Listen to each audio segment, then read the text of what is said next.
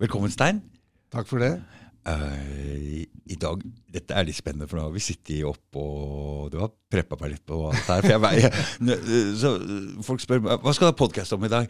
Nei, jeg husker ikke navnet. Sånn tankefelt der oppe, som du sier. Så jeg, så det er sånn tapping. Har du hørt om det? Og noen, En del folk har faktisk hørt om det. Så, men de aller fleste bare ja, ja, Jeg tror jeg kan fortelle deg litt mer kanskje etter ja. at du har vært her. Jeg har vært inne på sida di og titta litt, men uh, det er en stund siden nå. for Det ble avtalt litt. Det er jo ikke så lett å lese seg til, og det du ser, hvis du ser noen videoer og sånn, så virker det jo ikke logisk. Nei. Det er jo det som er noe av utfordringa, fordi virkemidlet i tankefeltterapi er veldig beskjedent. Mm. Altså tapping eller banking på akupunkturpunkter. Er det ba, for jeg har hele tiden er det der man tapper? Nei, hele tiden? Grunnen til at jeg tapper akkurat der nå, det er fordi det var sånn det starta. Ja. For 42 år siden. Ja. Så starta det ved en tilfeldighet. Det er en griseflaks, kan vi si litt, i forhold til oppdagelsen av dette her. Mm. For det er en oppdagelse, det er ikke noe som er skrudd sammen av noen som hadde en fiks idé. Nei. Så vi kan jo reise litt tilbake i tid først. Ja, gjør det. Fortell om dette først her. Hva er det? Først om hvordan dette starta. Og det starta med en amerikansk psykolog som heter Roger Callahan. Mm. Han hadde over 30 år på baken som uh, psykolog. Og fortalte meg, og sikkert mange andre også, at han var en pain in the ass på skolen. Altså mm. for både for professorer og medstudenter. Mm. Fordi han slo seg aldri til ro med de oppleste og vedtatte sannheter. Og det er jo litt forståelig for det når det gjelder psykolo... Psyk, heter, hva heter psykologien? Hva heter Psykologien, ja. Han, mm, han studerte mm. til psykolog. og Han hadde en historie. Han var oppvokst på barnehjem. Mm. Han hadde mange ting i sin egen koffert, for å si det på den mm, måten. Og da er man jo interessert i emnet, ikke sant? Ja, absolutt. Uh, og, men han var hele tida på leit eller søkende etter om ikke det fantes andre virkemidler som kunne virke bedre enn de man lærte i den utdanninga. ja, for der er det mye legemidler. Ja, det er vel kanskje ikke så mye i psykologien egentlig. Nei. Det er vel mer i psykiatrien. Oi, jeg tror ikke jeg helt har forstått forskjellen på de to. jeg. En psykiater er jo en lege som også er psykolog, eller, oh, ja. eller omvendt. Oh, ja. Men en psykolog er jo bare i samtale, egentlig. Han bruker jo utgangspunktet ikke medikamenter. Oh, ja. Mm, så det er forskjellen. Det var jo veldig ja. enkelt. Det burde jeg klart å ha fått med meg for lenge siden.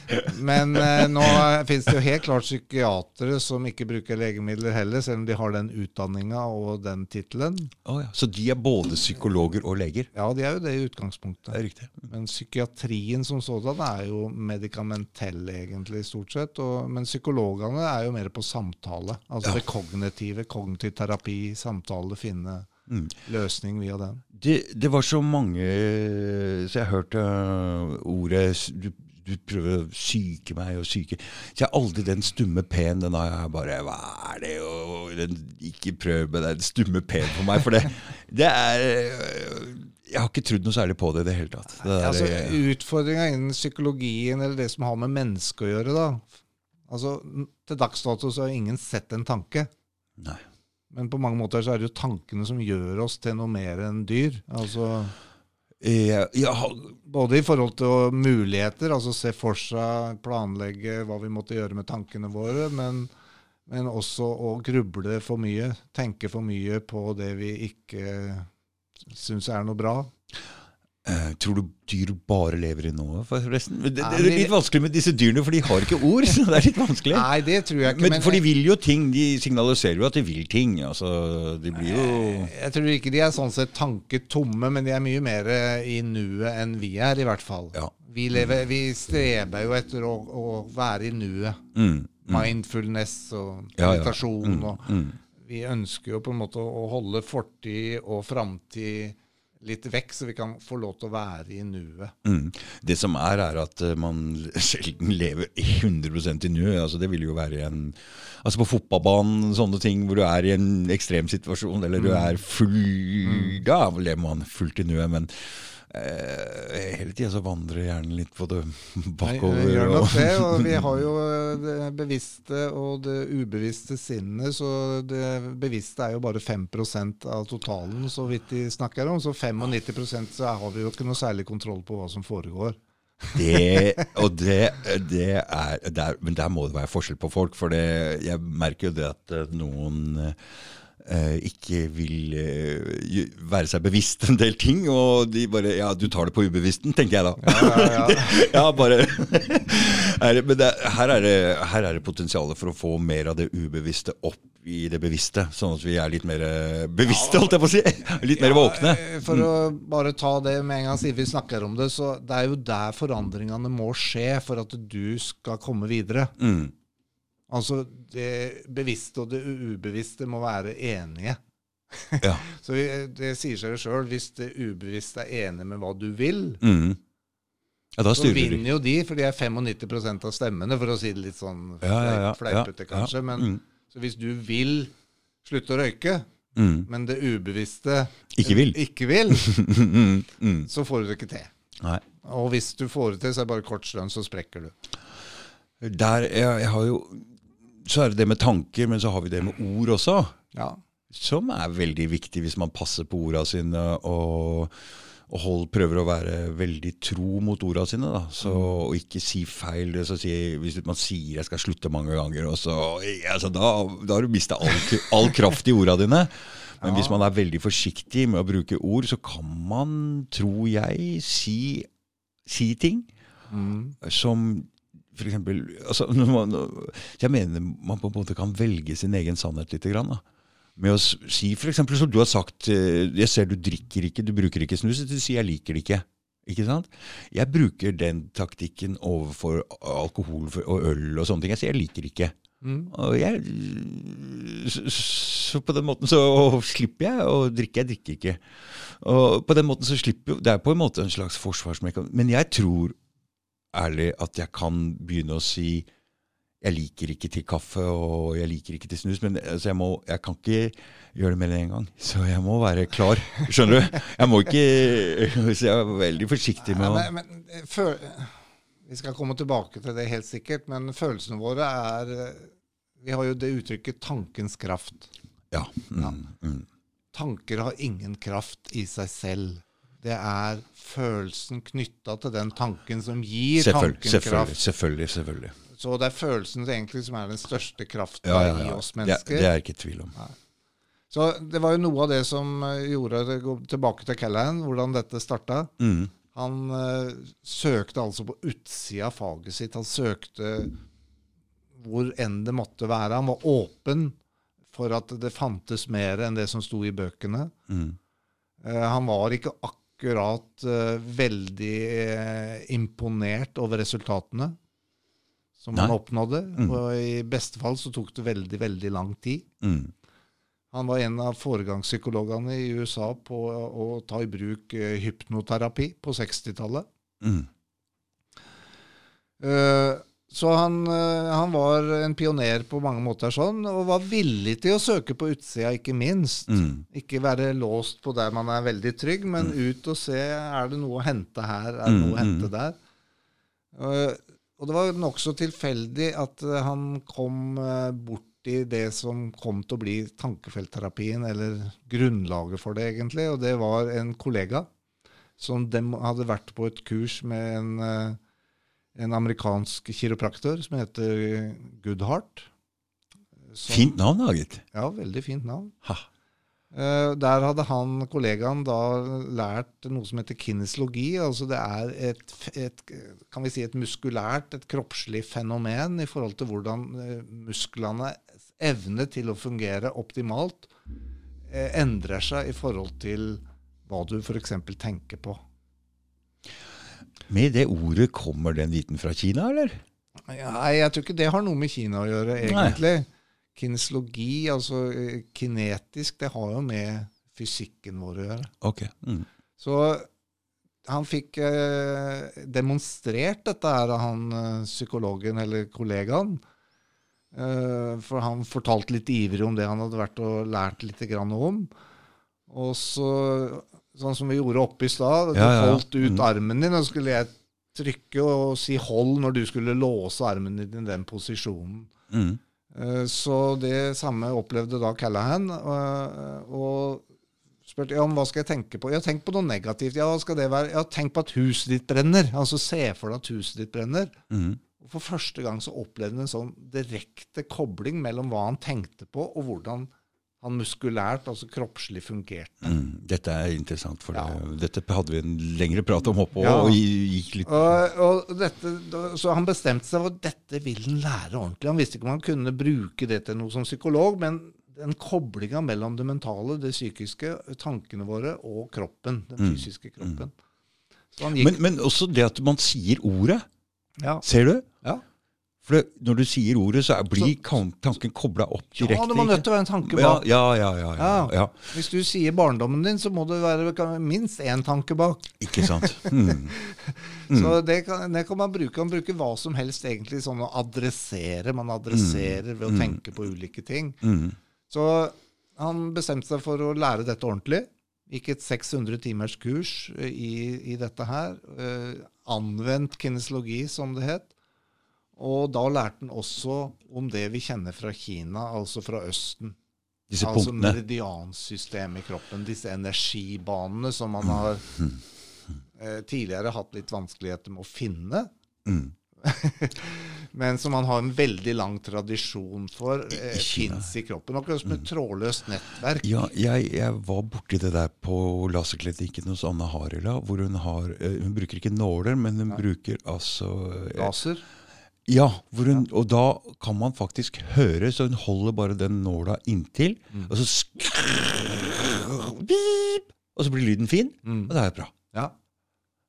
ja. Så det var veldig eh, altså, Så det fins altså baner i kroppen som, som Ja, jeg, vi kan være enige om at kinesere ikke er dumme. Ja. Altså når vi bodde i hule, så sendte de opp nyttårsraketter. Ja. Altså, så at de har holdt på denne kunnskapen, som, er- som den gamle kinesiske modellen, Mm. er jo en slags skolemedisin der borte. Den har jo sitt senter, eller på en måte i forholdet til disse meridianene. Mm. Og på disse meridianene så er det masse punkter. Mm. Som de har en egen filosofi alle, eh, hvordan de bruker. Mm. Og som da akupunktører og akupressør og med laser og hva det måtte være, kan Mm. være med å påvirke, altså eh, stimulere kroppens system. Mm. Og det er kobla opp i, i den Østens lære mot organer. Ja. F.eks. magen har da en magemeridian, Mm. en sånn signalbane. Og alle organene og, og kroppen er, er delt opp litt på den måten. Mm. Så, så den, det var det som var opphavet til den oppdagelsen som ga grunnlaget for det som seinere blei tankefeltterapi. Mm. Hvor det ikke var så veldig unaturlig sikkert at Callahan tok med seg litt fra dette kurset inn i terapirommet. Mm. Selvfølgelig. Ja. Og på det, akkurat på det tidspunktet så hadde han en pasient som het Mary, som han hadde hatt i halvannet år, én gang i uka, og som sleit med et, det vi kaller et invalidiserende fobi. Og hva er et invalidiserende fobi? Jo, det er at du er redd eller får fryktelig ubehag i forhold til noe du ikke kan unngå. Mm. Og vann kan du ikke unngå. Nei. Ikke sant? Mm. Du trenger vann, kroppen din trenger vann. Det Ja, består ja. Mm. stort sett av vann. Hun kunne ikke være i nærheten av vann i noen form. Når det regnet ute, satt hun i fosterstilling i angst inne. Ja, og, for vi var innom det og diskuterte litt om hva følelser er. Og det er klart at uh, følelser i riktig monn er med på å styre deg riktig, men når det blir feil, når det blir feil, eh, når Ja. det blir for mye, eller Så kanskje også for lite det kan vi forstå at det hadde hun ikke brukt for. Så, så vannet vann, altså selve substansen vann, var, en, var for henne en trigger av veldig ubehag. Mm. Og siden ikke du kan unngå vann, for du må ha vann, men Mm. nå var det jo et forbi, så saft gikk greit. Det gikk greit. Ja, så hun fikk i seg væske, Ja. men eh, hun kunne ikke dusje eller vaske seg. eller på en måte, altså Det var veldig smertefullt, altså det å Ja, være i mm. nærheten. Så det er historie, Og ingen visste hva det kom fra. Nei. Så han jobba jo da med henne i halvannet år. eh, Med alle, alt som sto i boka. Mm. Villig til å prøve alt som ikke sto i boka også. Men mye av det handler om det som fortsatt er det de bruker mest, altså i forhold til fobier og frykter. Det er eksponeringstrening. Ja. Venne deg til, gradvis nærme deg problemet. Mm. Litt for ofte så handler vel det om å holde ut, altså finne ut at du overlever likevel. Ja. Det er i hvert fall ikke noe vanligvis noe øyeblikkelig kur. Og det var jo tydelig ikke for henne. Hun var helt utslitt etter hver eneste eh, sesjon. Med migrene og i det hele tatt uh, fillerista følelsesmessig. Mm. Og de drev og trena bl.a. mot et basseng, så hun skulle liksom kunne nærme seg sånn rolig. Så hadde han gått dette kurset, eller var inne i dette kurset, og for første gang så stilte han et spørsmål han aldri hadde gjort før. For mye var jo selvfølgelig også samtale i dette her, men så stilte han Han, han spurte, han var nysgjerrig egentlig. Kan du beskrive hvor og hvordan du kjenner det? Når du tenker på vann. Bare ordet vann. Altså, det satt som en forferdelig knute i magen. Mm. Han hadde jo lært om disse meridianene. De hadde navn etter organet som magemeridian. Mm. Mm. Så han fikk et innfall, en sånn impuls nesten. liksom, Ta og Stimuler litt under et av øynene dine, for der starter eller ender magemeridian. Vi har to, da, riktignok. En på høyre og venstre av kroppen. Men han ba rett og slett henne å stimulere litt der. Ja, hun hadde vært med på litt av hvert gjennom halvannet år, så hun stilte egentlig ikke noe spørsmål ved det. Nei. Og bare gjorde som han sa. Og rakk å gjøre det i tre sekunder. Så stopper det opp og utbryter litt forvirra. It's gone. Det er borte. Han skjønte ikke bæret. Det kunne jo ikke være det fobi hun hadde hatt hele livet, Mm. som var borte. Så var, borte, hva, hva, hva mener du? Nei, hun leita på en måte i tankene sine og kunne ikke finne det, og reiser seg litt brått opp fra der hun sitter, og, og nesten småløper mot det bassenget som de har drevet og trena i forhold til. For å leite etter fobi sitt, ja. Da, da blir han redd. Mm. For han har vært med, med LSD i 60 år, og folk tror de kan fly, Ja, og ja, ja, ja. fuglene vet. Så han sier 'Stopp, Mary, stopp!'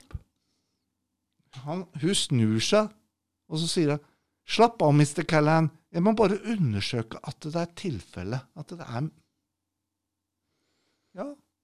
Hun ender opp med å kaste vann i ansiktet. Det hun får ikke fram, uansett hvordan hun prøver å trigge det problemet hun har hatt hele livet.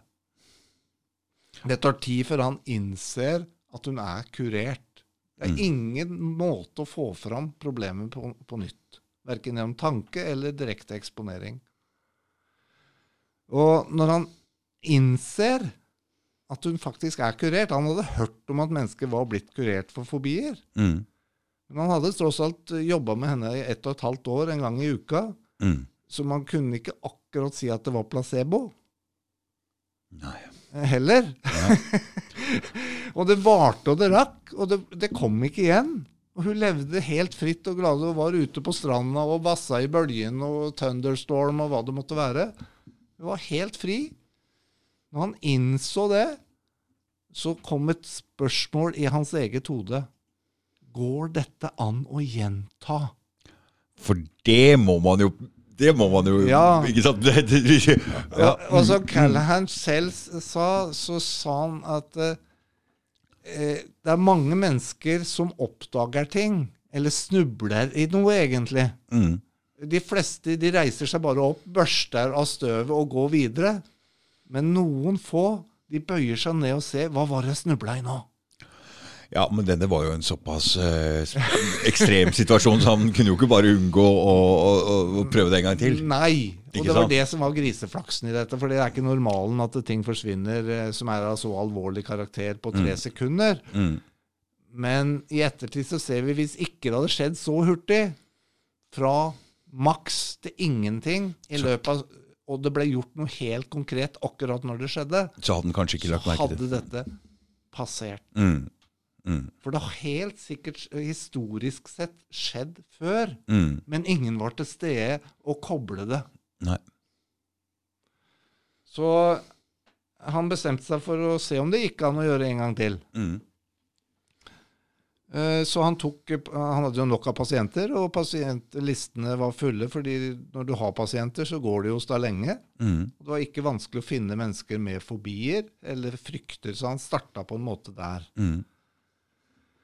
Eh, og resultatene var ikke akkurat veldig oppløftende. Av 100 stykker så fikk 3% tre stykker en virkning på Fikk en virkning, men den var ikke kurering, men det var 20-50% og det, Men det er likevel veldig ganske Så, så det var ikke, han fikk ikke like Han fikk ikke samme greiene, men, men uh, han skjønte at her, Ja, er- her er det et eller annet. Ja, men det det, akkurat Han skjønte at det var noe. For å si 20 er faktisk ganske mye ved å bare gjøre sånn. Mm, mm, ja, Noen sekunder. Ja. Og 50% er fenomenalt. Mm, Så selv om det var veldig få, mm, og han hadde hun Mary, som var blitt helt kurert, det var Mm. nok til at han bestemte seg Han via livet sitt til å finne ut av hvordan dette hang sammen. mm. Det holdt han på å gå økonomisk konkurs på. Fordi han brukte jo dette her for å finne ut av det på sine egne pasienter. Mm. Og han endte opp med å ikke ha pasienter fordi de ble bra. ja. Jo, men han, det, Ja, det er fakta ja, tilfelle. ja, Og, og kona som han hadde på det tidspunktet, hun kom og sa nå må du gå tilbake og gjøre det du har gjort i 30 år. Ja, men For ellers så går jeg fra deg, for de holdt på å gå rett og slett økonomisk konkurs. Ja, men hva med folkemunnen og se jeg har blitt frisk og sånne ting? da? Den er undervurdert i den forstand, eller overvurdert, eh, heter det vel egentlig, når det ikke virker så godt. Fordi det problemet du kanskje ikke har fortalt at du, har, hvordan skal du fortelle at du er bort- borte? Det psykiske holder vi ofte, det er ofte skambelagt, det er masse ting Ja, vi holder. ja, det er mye ja. lettere med en Mm. brekt arm, Ja, ja, ja. eller noe fysisk. Det skjønner jeg. Jeg skjønner det. Mm, mm, det Så- skjønner jeg faktisk. og, og Det er ikke noe man bløffer ut til naboene, sånn, for det er kanskje noe du har holdt skjult. Nei, også. Mm, og mm. når et, et følelsesmessig problem ikke lenger er der, tenker du da på det? Det problemet du ikke har, tenker du ikke på. Nei, men altså, hvis jeg hadde blitt kvitt et sånt problem, jeg hadde i hvert fall fått Ja, du vet du det- hva Men jeg er jo ikke Ja. Men det, men det fins eh, absolutt mennesker som skjønner eh, sammenhengen og proklamerer det. mm, mm. Men i forhold til alle de som opplever det, så er det få. Ja. Så, så det er litt av greia, på en måte. Så han eh, Hun reiste, kona. Ja. Han kunne ikke gå tilbake til det han hadde gjort. Mm. Det var helt umulig. Så hun reiste, og han søkte da ikke akkurat på Tinder. Det var ikke det den gangen. Men eh, det var kontaktannonser, og kriteriet var at vedkommende som ville måtte også dele jobben sammen med han, altså utvikle og finne ut av dette her ordentlig. Ja. Så Ja. det, det, Til å begynne med så het det Callahans teknikker. Hvis han hadde beholdt det arbeidsnavnet som var til å begynne, så tror jeg det hadde vært lettere å svelge for, for eh, andre psykologer eller fagpersoner. Oh, ja. Men siden han blei mer og mer opptatt av å finne ut hvorfor kan dette virke, Mm. Så fant han ikke svar på det i verken sin egen litteratur eller ellers i, i det skolemedisinske på noen måte. Mm. Og han var nødt til å søke eh, impulser eller muligheter for forklaring utafor fagfeltet. Mm. Og det fant han hos en kjent eh, engelsk biolog som heter Rupert Sheldrake. Og da er vi over på det som da ga grunnlaget for begrepet tankefeltet. Hva nå det er for noe, fordi ingen har hørt det ordet før. Nei. De fleste har hørt ordet felt. Mm. Og Område? ja, når vi sitter her nå, ja, det er et område. Mm. Men det kan også være et, mer enn et, bare et område på kartet. Det kan være sånn som vi sitter her nå, så er vi jo i et gravitasjonsfelt. Det lukter ingenting, smaker ingenting, men du kjenner virkninga av det fordi du kjenner du sitter i stolen. Du trykkes på en måte ned. Mm. Det er jo helt usynlig, men det påvirker masse. Mm. Altså din masse, din kropp. Mm. Og eh, vi har elektromagnetiske felt, magnetfelt osv. som er usynlige, men som har påvirkning av noe på utsiden på en måte av seg selv. Mm. Og tankefeltet er Det er der den teorien om tankefeltet kom inn. Mm. At vi er i et slags felt som har, inneholder informasjon. Våre celler og hele hjernen din og kroppen din svømmer på en måte i dette feltet, og avhengig av informasjonen i dette feltet, så er den bestemmende for hvordan du fungerer. F.eks. hun hadde dette fobiet, da. Mm. Men, men er det sånn at vi påvirker hverandres tankefelt òg, eller? Sannsynligvis. Ja, det tror jeg. Ja, vi gjør det. Vi gjør det. Ja, Mm. vi virker inn på hverandre. Vi er jo, vi er jo medlemmer av den samme flokken. Ja. Mm. Eh, Så er vi antagelig litt tettere. F.eks. en enegga tvilling er vel noe av det nærmeste man kan komme i kontakt mellom to individer. Selv om de ikke er i nærheten av hverandre. Ja, selv om de ikke er i Mm, nærheten. Det er antagelig enda nærmere enn mor-barn. Mm.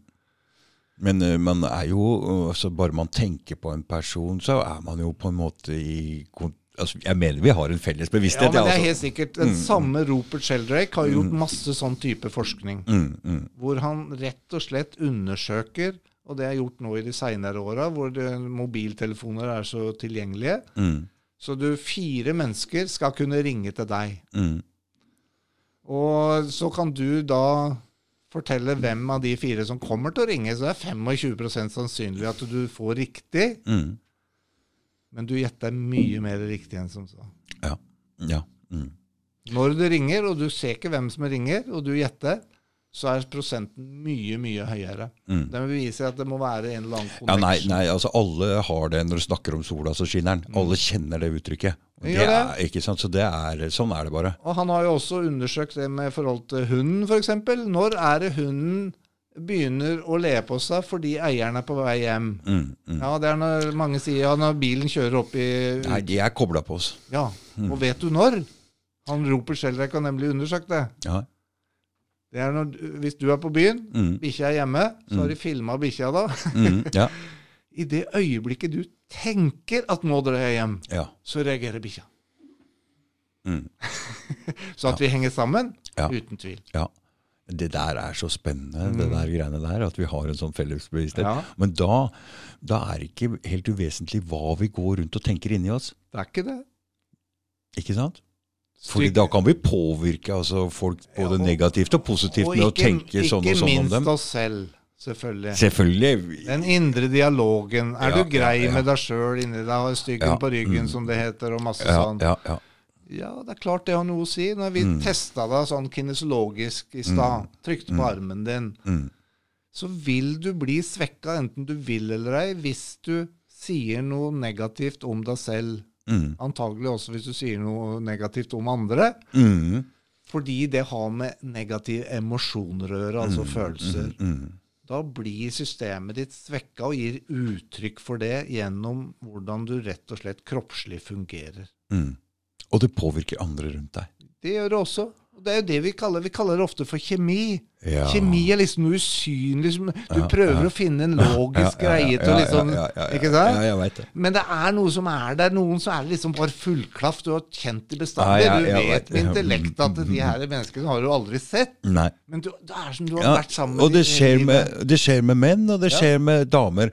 Så de der folka som sitter på kontaktannonser og sier skal, han skal se sånn og sånn ut, og han skal være sånn og sånn. Jeg tenkte du Mm. vet ikke, du. Det er ikke sånn du, du merker det når du treffer dem. Ja. Det er ikke noe å tenke på det der. Du merker om du liker noen eller ikke liker noen. Det er bare sånn, det er ikke noe du kan Nei, De fleste du møter, er vi nok nokså på nøytralen. mm. Men hvordan kroppen vår signaliserer, og det er jo det underbevisste som tar imot mm. Det ubevisste tar imot dette her. Nå kjører jeg veldig mye, og jeg har begynt å se på hvordan folk går. Mm. Og jeg har begynt å prate om det i bilen. altså jeg og han andre. Se, den går sånn, han går sånn, han går sånn. Det betyr det og det og det og det. Ja. Det er så spennende å se på. Så det, eh, ja, ja, men det, det for sant. man utstråler jo hva man utstråler med kroppen sin. Det er viktig. Ja. For, og det jeg, jeg setter de en slags rekkefølge. Vi skal komme nærmere inn på det etter hvert. Ja. Men det som er helt i bånn i min verden, Mm. det er programvara di. Det, Programvara di fører til, er bestemmende for hvordan du føler, hvordan du tenker, og vil prege atferden din. Ja, Og hvordan du går. I den, ja, i, ja, for eksempel det Ja, ja, atferd. ja, man ser det. Ja, det vises jo. Så det det egentlig viser, er hvordan programvara di er. Ja. Og spørsmålet er ok, hvis det er det som er bestemmende, som ligger helt i bånn, Mm. kan vi optimalisere programvara?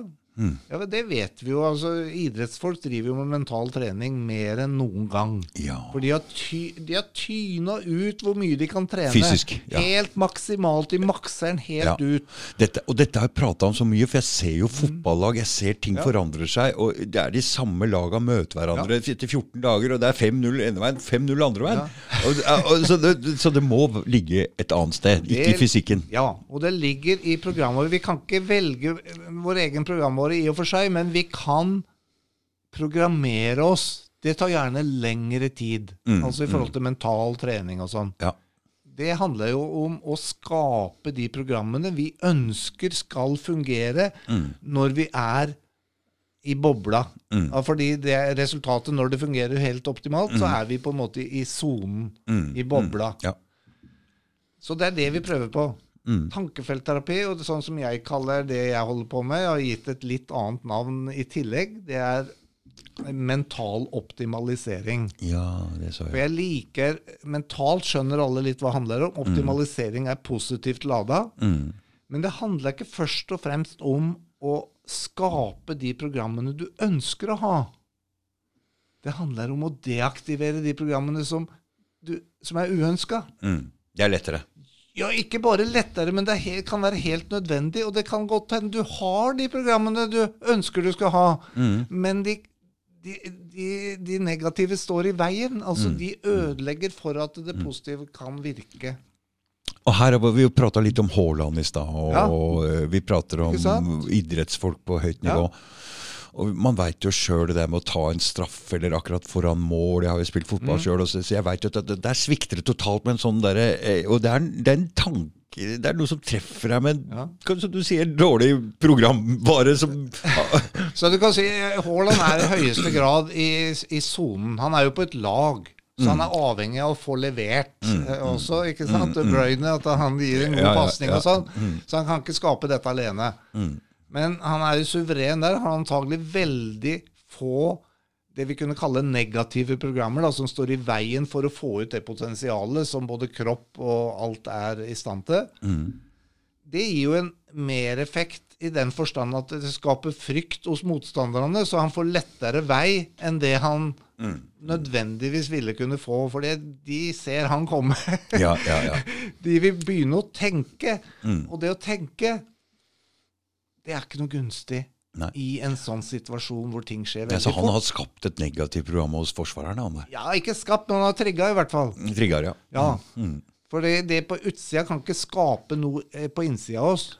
Men det kan trigge ting, og, og gjennom det bli programmert. Det, for det, er litt spesielt å dra fram Holland, for det, det er jo en annen faktor når det er 50 000 tilskuere også, som er en del av det feltet. Som også forventer et eller annet. Og, og, Ja, ja, ja. og du vet, det er jo så lett for disse når, Det der med å være spiss på et lag, og du, vi har jo sett det mange ganger når de ikke lykkes de første gangene. og så- du får, Hele den pressen det er jo, det er jo altså, Det er så mange faktorer inni, inni den psykiske greia der.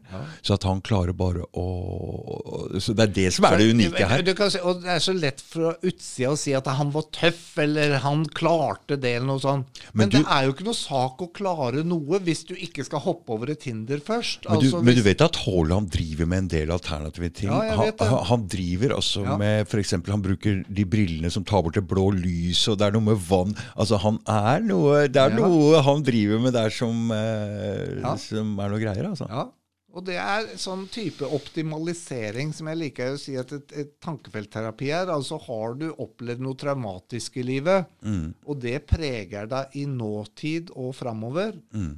ja, hvordan skal du gjøre det? Du kan jo ikke endre at det har skjedd. Nei, nei, nei. Nei, det er umulig. Men hva er kraften i det minnet? Mm, Det er de følelsene som er knytta til det. mm. Og de følelsene er ikke styrt av minnet. Nei. Nei, det er styrt av programvara Som slår inn som er, visse ja, som er knytta til det minnet. ja. Og uh, bare for å dra det litt vekk fra sport igjen, og litt Mm. sånn, så uh, har jeg jo uh, vært inne i forhold, og jeg merker jo det at man drar med seg dritt. Eh, reaksjonsmønstre fra forhold, fra ditt forrige forhold, fra, ditt for, fra barndommen inn i, i, i ditt stakkars nye uh, Ja. forholdet. Så den personen har jo ikke noen forutsetning for å, å forstå dette. ikke sant? Og du, reaksjonene dine er reaksjonsmønstrene. Som du kaller programvarene. ikke sant? Ja, det, og mange vil kanskje tenke når du hører programvare, det blir veldig teknisk. Det blir liksom sånn, fordi jeg er så vant til det å ha med maskiner og ting og PC-er og alt sånt ja. å gjøre. Mm. Men jeg har en sånn litt tanke rundt at vi, vi har jo utvikla disse in, informasjonsteknologien, alle disse dingsene, PC-ene, alt Mm, hvordan mm, dette her, mm. det er jo vi utvikla. Mm. På hvilket grunnlag? Altså, Gud skapte mennesket i sitt bilde. Mm. Vi skaper det i vårt ja, vårt vi har skapt det i vårt bilde, men uten å være egentlig oss selv bevisst på at vi på mange måter fungerer på samme måten. Mm. Og jeg syns altfor ofte så har hjernen fått skylda, og det er veldig skummelt. Mm. Psykiatrien har jo liksom vært noe du er gal, eller Mm. er veldig mye, og du må ha piller og sånn, for det er noe feil inni huet ditt. og Mm. Mm. tankefeltterapis forståelse av dette her friskemelder hardwaren. Mm. Altså deg. Det er ikke deg det eventuelt er noe feil med, men programvara di er uheldig. Ja, og nå, nå dukker det opp masse, masse folk med stemmer som sier disse diagnosene, og dette Ja. må bort. Dette Ja. må bort. Eh, Dette er ikke gunstig. Nei, og for de aller fleste sånne type diagnoser Én ting er at du har diagnose som at du har en brekt uh, lårhals. Mm. Det har jo et Ja, latinsk navn, det også, Ja, men da, da bruker vi ikke den stumme pen. Altså her, den stumme pen den har jeg, så den, de får uttale den, eller så får de få den bort. Så når du har med psyken vår å gjøre, så er det rett og slett å bare finne et navn som du kan fange deg innunder. og Derfor er jo, så vidt jeg vet, så er det mange flere diagnoser i USA enn det er her, men vi er på god vei. Mm. Og, og de sier jo ingenting om årsak, men i teorien så sier, hevder psykiatrien at årsaken er en kjemisk ubalanse som de aldri har bevist. Det er en teori. Mm. Og så begynner de å dytte på piller. Mm. Og diagnosene er jo egentlig veien inn i hvilke, altså i forhold til hvilken diagnose du har fått. At Ja. noen som har synsa ved å intervjue deg og, og observere deg, så får du en diagnose, og så blir det satt av piller i sånn og sånn for å eh, rette opp Mm. den da, tenkte når vi tenker, når vi får høre at placeboeffekten er mellom 30 Ja. og 50 Mhm. så skjønner vi at de, de kan ha litt altså Hvis folk tror på det altså det har Vi jo, vi får en pille, og de tror på det, så, Ja, så funker de, det. jo. de avslører ofte i sånne forsøk at de har fått ekte varer, for de får jo gjerne bivirkninger. Det, det, og da avslører Å ja, jeg har fått riktig vare, for jeg reagerte på det. Du reagerer jo sånn sett ikke med en bivirkning på en sukkerpille. Nei. Så placeboen er jo enda sterkere ofte når du får det virkelige medikamentet. Ja, for da veit du at uh, Ja. det er noe som Du skjer. har avslørt det. Ja, ja. Så nei da, det, det er mange ting rundt det der. Men, men tankefeltterapien, da, for å vende litt tilbake, Ja, ja, ja. ja. så er det en utvikling altså opp, Det starta med denne oppdagelsen, Mm, og så skulle man se om man kunne gjenta det. mm, Og så brukte man kineslo... Siden det ikke var så lett, mm. viste det seg i praksis. Ikke sant? Men Callan, psykologen, han visste jo at det var jo ikke bare dette punktet her. Nei, for han hadde Nei. vært innom kinesologi. Det er flere sånne såkalte hovedmeridianer i kroppen. Mm. Så vi i tankefeltterapien bruker i, i prinsippet 14 punkter. Ja. Som, og da må du fortelle litt om dette, fordi du sa at denne var styrt også til magen. eh, Ja, følelser. sånn i kinesisk medisin så hadde den Det var sånn det liksom blei at du, ja. siden du hadde vondt i maven, så ba han deg å gjøre sånn. Ja. Men så fant han jo ikke noe ordentlig ut av dette her, og selv om andre hadde vondt i maven, så virka det nødvendigvis ikke sånn på den måten. Nei. Men han begynte da å bruke den testinga, den kinesologien, og på en måte snakke med kroppen din. Snakke med ditt ubevisste sinn. Mm. Og jeg tenker at det der sitter fasit. Den vet hvor du skal banke, på en måte. Ja. Så, og da viste det seg at de aller fleste som hadde et fobi, Mm. et vanlig fobi, de burde banke her. Mm. Men de burde banke også på et punkt her Ja. og her.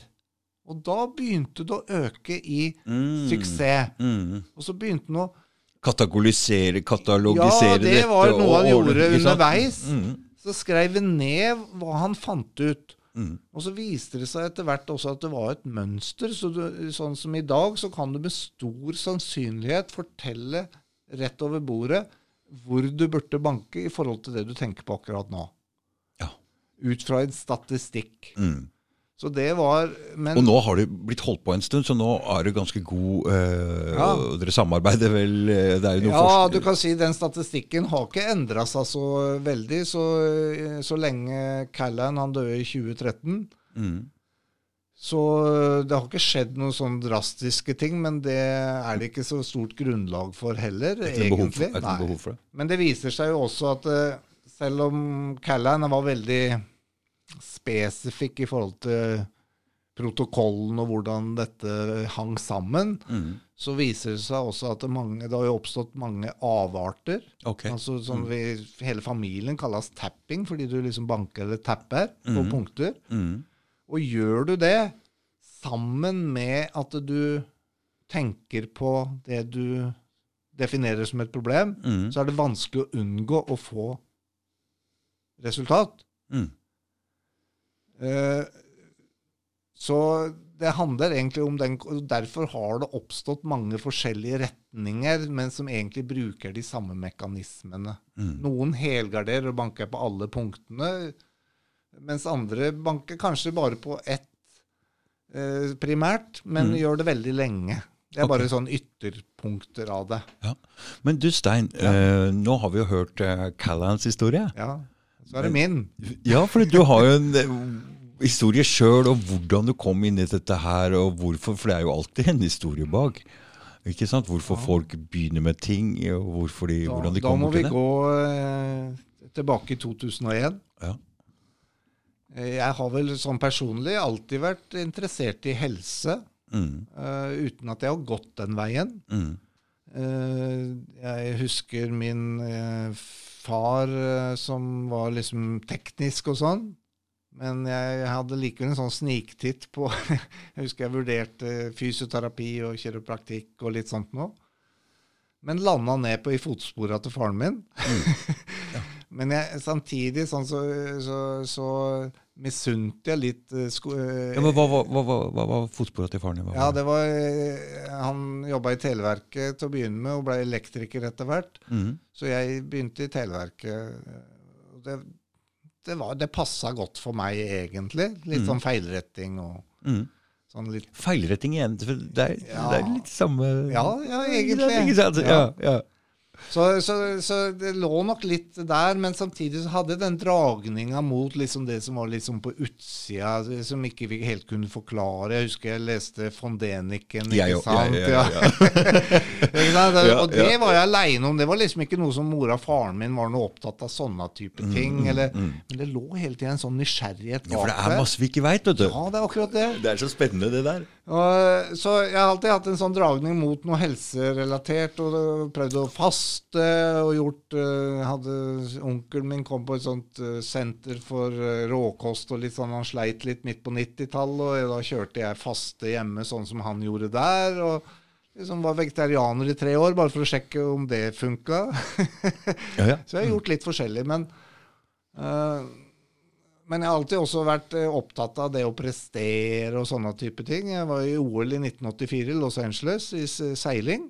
Å ja.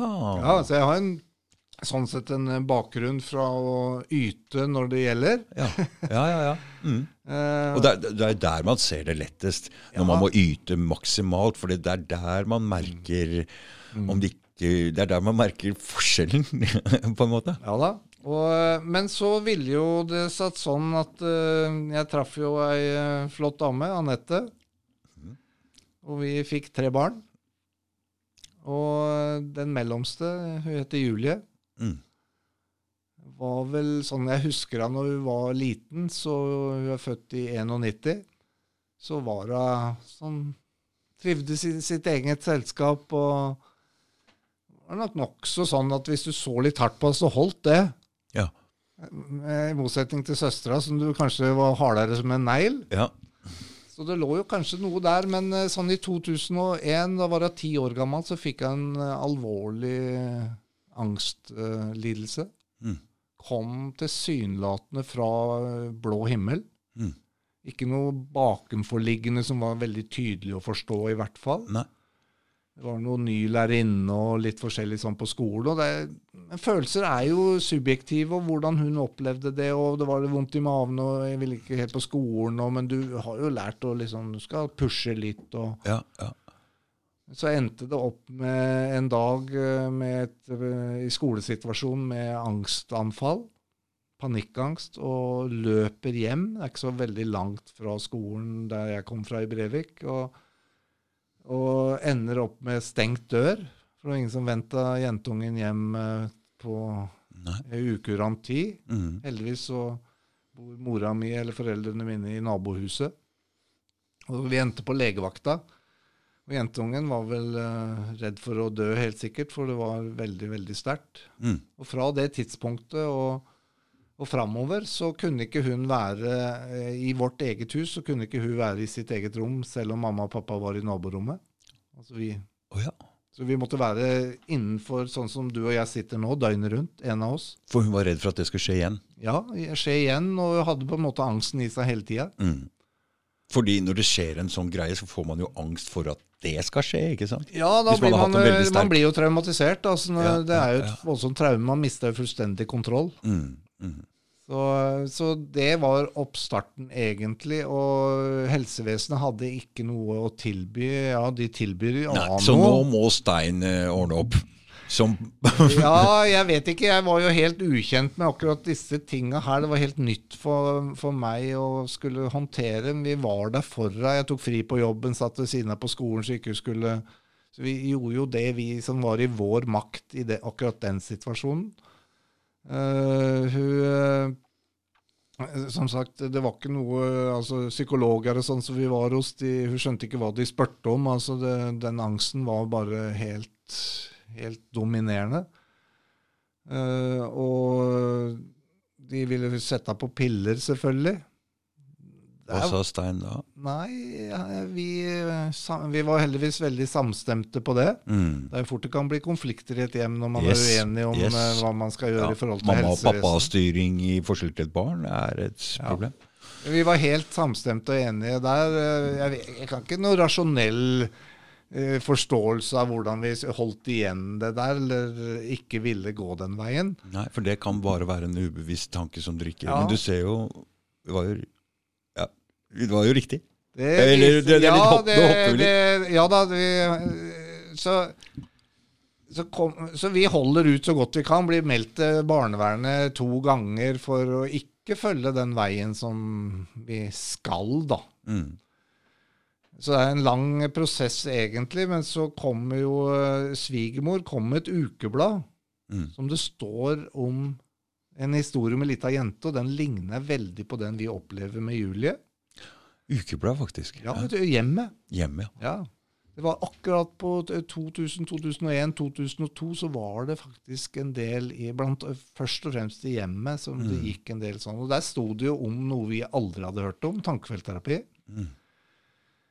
Jeg vet ikke hvor det bladet blei av. Men noe hadde festa seg i, eh, oppi topplokket på et eller annet vis. Var det hjemme eh, Husker du det der som heter Readers G Digest, eller et eller annet sånt? Jeg tror det var kobla opp med hjem... Nei. Ja, ja, det, jeg husker ikke akkurat det, men det var i hvert fall det jeg husker veldig godt, at det forsvant. Eller noe i ettertid husker jeg at det blei borte, men det hadde Mm. festa seg noe. Mm. Vi hadde ikke agert. altså det, Aviser og mange ting den gangen. Det var mye mer aviser for 20 Veldig år siden enn i dag. Ja, ja, ja, ja. Og så gikk det tre måneder. Så var vi og besøkte bestemora til kona mi på eh, sykehuset. Hun hadde brekt lårhalsen. Der lå det bladet igjen. Det lå i fem centimeter tjukk bunke med gamle ukeblader. Hvem lå på toppen? Ja der lå det hjemme. Det bladet lå der. Jeg, bretta, jeg husker det når jeg bretta det Der var hjemme, ja. Ja, Der, Og tok det med meg, stal det med meg bokstavelig talt under jakka. ja, ja. Og Det var på en søndag, husker jeg. Så på mandagen så ringte vi opplysninga. Mm. For det står jo ikke noe sånn at du, med nummer og sånn i, i sånne reportasjer, men det sto noen navn der. Mm. Fikk et eh, nummer Hvem i, som hadde skrevet det, ja. Ja, hvem som sto bak, hvem som drev med tankefeltterapi. Det er sånn du vet, det er sånn jeg driver med den podkasten her. Ser Ja. og jeg ser, ja. Å, det var bra. Ja, det er sånn. Så, så da var det å ringe det nummeret jeg fikk fra opplysninga. Mm, Kom til ei hyggelig dame her inne i Oslo. mm. Og det var litt nedtur å høre at det var tre måneders ventetid. Oh, Dette var ganske nytt i Norge da. mm. Ok, tre måneder, sånn og sånn. Har dere noen Ja, de hadde begynt å kjøre noen kurs, og de hadde en i vårt område som de hadde gått to innledende dager. De ante ikke om han praktiserte eller noe sånt, men jeg fikk i hvert fall navn og nummer. Mm. Uh, så Ok, men så skjer det noe som jeg eh, ikke kan forklare. Mm. Kona mi som hører det som skjer, hun skjønner ikke bæret. Jeg jeg har ikke tenkt tanken før jeg sier det jeg sier. Men jeg blir ikke likevel overraska over hva jeg sier. Når kan jeg lære det? Mm. Jeg har ikke vært borti dette her. Jeg har lest den storyen der. Jeg bare vet det. Ja, men du hører det er lang kø, og du har vært interessert i Ja. ikke sant, det der Men, ligger latent der. jeg, jeg bare vet at jeg skal det. Mm. Og jeg kan ikke gi deg noen rasjonell forklaring. Jeg bare vet det. Jeg melder meg på utdanning der og da. Mm. Aner ikke hva vi kommer til å møte når dette blir aktuelt. Men det vi møter tankefeltterapi for første gangen, er han som har gått to dager. Mm. Eh, det gir ingen suksess. Eh, men det gjør ingenting med hva jeg likevel vet. Mm. Inni meg vet. Mm. Så det ender med at vi får lov til å ta med Julie på den første oppstarten når jeg skal begynne utdanninga på dette her, Mm. som et demonstrasjonsobjekt for kursdeltakerne. Altså at du kan se en live behandling Mm. av et helt reelt tilfelle. Mm. Og i løpet av ja, minutter Vi var 25 stykker på dette kurset, og det gikk ikke så veldig lang tid. Helt til å begynne med så måtte hun tviholde mammaen sin i hånda. Mm. Og i, om ikke så veldig lenge så blir hun spurt av terapeuten eh, Hvis du skulle sende ut mamma eller pappa, Mm. hvem vil du se? Mamma, vel? Sier hun liksom sånn. Ja. Ok. Og ikke lenge etterpå så løper hun rundt på et fremmed hotell med søsknene sine som om ingenting har skjedd i denne verden. ja, men hør nå, så, så hva skjedde her? Ja, hun blei behandla. Ja, De tappa henne, og hva var spørsmålet? De spurte henne? Ja, det var rett og slett hvordan hun hadde det. Hva hun var redd for. Rett og slett rundt det med angsten. Mm. Den angsten hun kjente når hun satt der, Ja, helt på direkten, den var jo der. Til stede hele tida. ja. Så du bare spurte henne om det? Ja. Og hva, hva sa hun? Sa hun noe? Nei, Ja, hun prøvde Hun gråt jo. Altså, hun var jo Gråt, an- og samtidig så tapp, Yes. tappa de der. Ja. For det må være til stede i tankene dine. Så den var like sterk som den Callahan-greia det omtrent for kan deg? du nesten si. Ikke sant? Ja. Så ekstrem? ja, helt ekstremt. Mm. Hvis ikke vi hadde funnet det, sånn i ettertid Jeg begynte jo å jobbe med dette ganske fort etter hvert. Mm. Så, og de menneskene jeg har møtt i mellomtida, så er jeg redd hun ville vært en tung psykiatrisk pasient i dag hvis hun hadde begynt å gått på medisiner. For hun er en sensitiv person i forhold til mange ting. Mm. Og, øh, så, men hun skulle lære oss mer. Hun skulle lære dere mer. Ja. Øh, så det var en mening med det. Det er lett å se meninger etterpå. Oh, jeg veit, jeg veit, jeg veit. Jeg vet. Ja, så meninga var jo øh, sånn vi Jeg kan vet. si at vi skulle begynne å gjøre dette her, Ja, men ja, hun ja. skulle også lære oss mye mer om hvordan ting henger sammen. For det som var helt borte, det innhenta henne på nytt i løpet av veldig kort tid. Under tolv timer etterpå så var angsten tilbake ved samme kraft. Mm. Og det er jo en forferdelig nedtur i seg selv, ikke sant? Mm. Mm. Det skjedde hver gang hun fikk behandling. Tolv timer. Ca. tolv timer. Altså Innafor et døgn så var det tilbake på Mm. samme måte. Etter en søvn? Etter en søvn, eller? Hadde ikke noe spesielt ingen, med søvn å gjøre. nei. Det var uavhengig av hvilket tidspunkt du fikk eh, Mm. terapien på. Nå blei den riktignok ikke administrert på samme måte siden det var i kurssammenheng og litt sånn Mm. Mm. tilfeldig. men og Vi hadde jo planer om å gjøre mye av det selv, men vi blei bokstavelig talt innhenta. Og det var, det var så stor forskjell. Det var helt borte og helt til Det må stede. være, så da begynte du i hvert fall å bli klar over at det fantes en verden Ja. uten. da. Ja. Så vi brukte det for alt vi hadde For alt det var verdt. For å holde huet over vann, på en måte. Og det var jo en form for optimisme i forhold til å oppleve at det blei helt borte. Ja. Selv om det Mm, varte kort. Ja, ja. Så vi måtte tappe og banke på skuffelsen eller, og frykten for at det skulle selvfølgelig komme tilbake. Men det kom jo tilbake. Mm. Men det, Det er veldig håp, rart. Det er veldig spesielt. Ja, men, men, men det ga håp om at det ikke trang å være der. Mm. For ellers så kunne det jo ikke være borte i tolv timer. Mm. Og det tok fire år før vi fant ut av det. Ja. For da kom nemlig Callahan sjøl, han psykologen som utvikla dette, til Norge for første gang. Oh, ja. Og nå er uh, dattera mi sånn sett et unntak i forhold til at det som skulle vise seg å være hovedårsaken, ikke er det vanlige hovedårsaken. Mm. Men eh, kanskje likevel litt vanligere enn man er vant til å tenke. Men eh, i hvert fall da lærte vi noe som Den delen av tankefeltterapi vi kom borti, det var ikke fullversjonen. Det var ikke alt. Nei. Og når vi fikk greie på alt For da gikk jeg nemlig og lærte dette her med den kinesologien. Mm. Og den tar hensyn til også drivstoffet ditt. Altså hva spiser du, hva drikker du, hva. Kan det ligge noe der? Mhm. Og det viste seg at det absolutt gjøre. Så tankefeltterapien har også gått ikke bare der, men også det går så Den opprinnelige fullversjonen av tankefeltterapi tar absolutt hensyn til miljøet ditt, og hva du drikker, hva du spiser, medisiner du eventuelt tar, Ja. vaskemidler, skyllemidler, parfymer, alle mulige ting som kan være en trussel eller en belastning for systemet ditt. Mm. Og dattera mi, for å sette det litt på spissen, så får hun angst av hvetemel.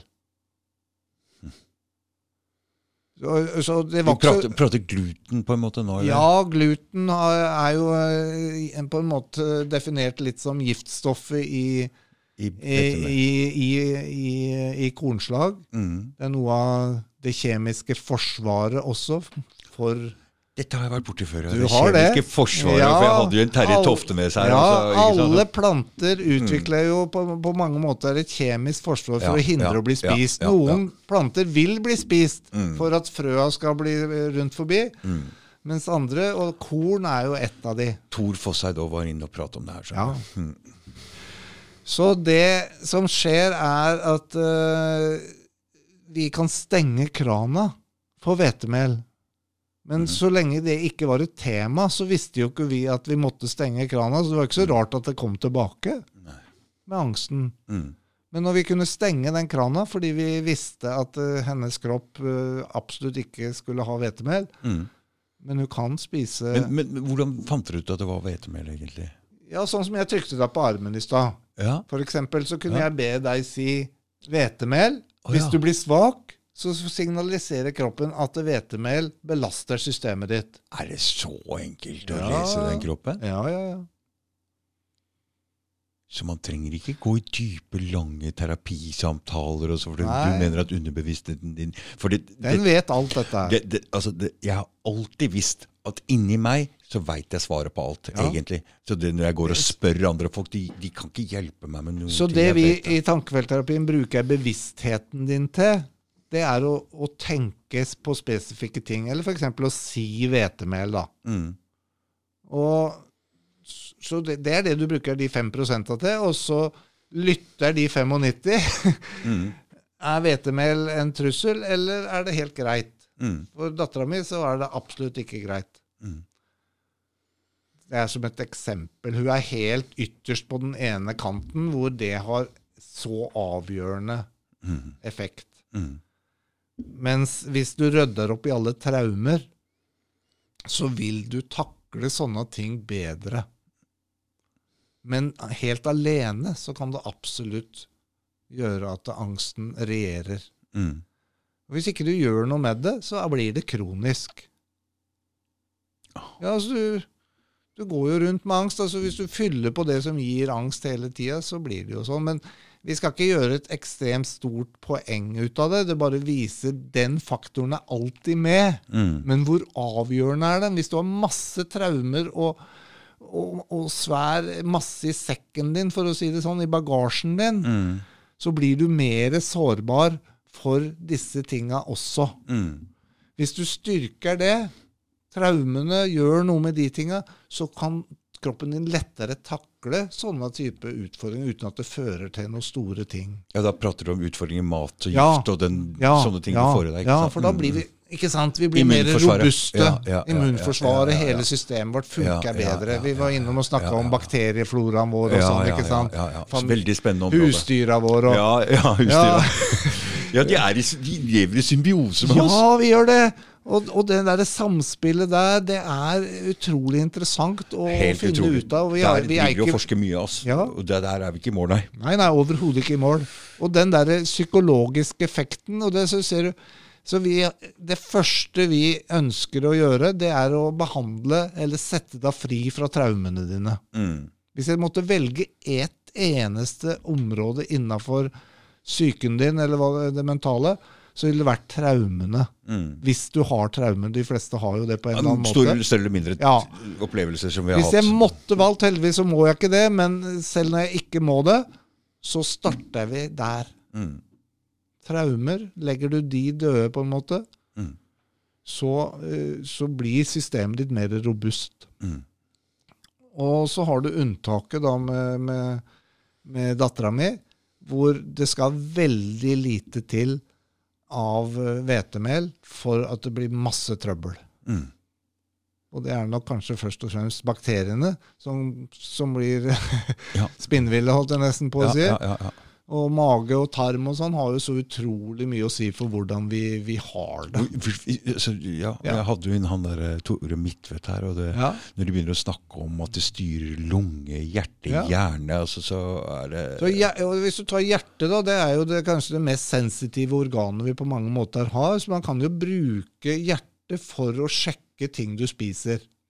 Altså Hvis pulsen din går opp etter at du har spist eh, frokost eller middag, eller hva det er, mm. Uten at du gjør noe fysisk ellers for at den skulle reagere Fordi du har noe på armen din der.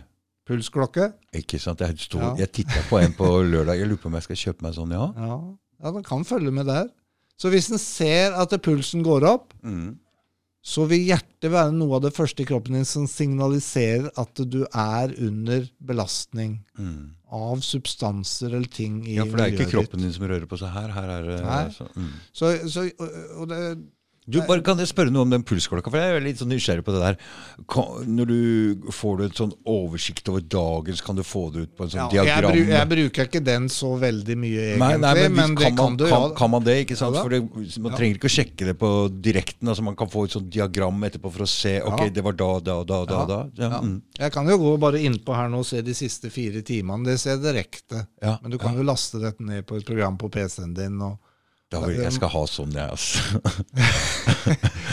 Men jeg bruker også noe som heter HRV, Heart Rate Variability, for å sjekke før behandling og etter behandling. Hva, hva, hva er det for Det, det er rett og slett noe som måler pulsen din. mm. Og Heart Rate Variability, det er variasjonen i avstanden mellom hvert pulsslag.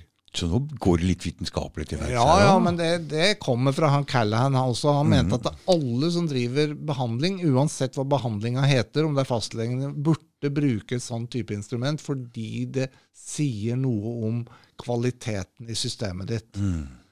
Og den variasjonen, den Det ble egentlig oppdaga skolemedisinsk for eh, mange år tilbake på eh, forskning på premature fødsler, altså premature barn. Mm. Hvor man ble overraska over resultatet fordi man trodde at det var fint å ha orden i rytmen. Ja. Ikke sant? Altså, Ja. du, du, du, Ja. Det viste seg å være feil. ja. Det skulle være uorden i den forstand at det skulle du, du, du, du, du, du, Mer dans, mer melodi. Oh, ja. Ikke monotont.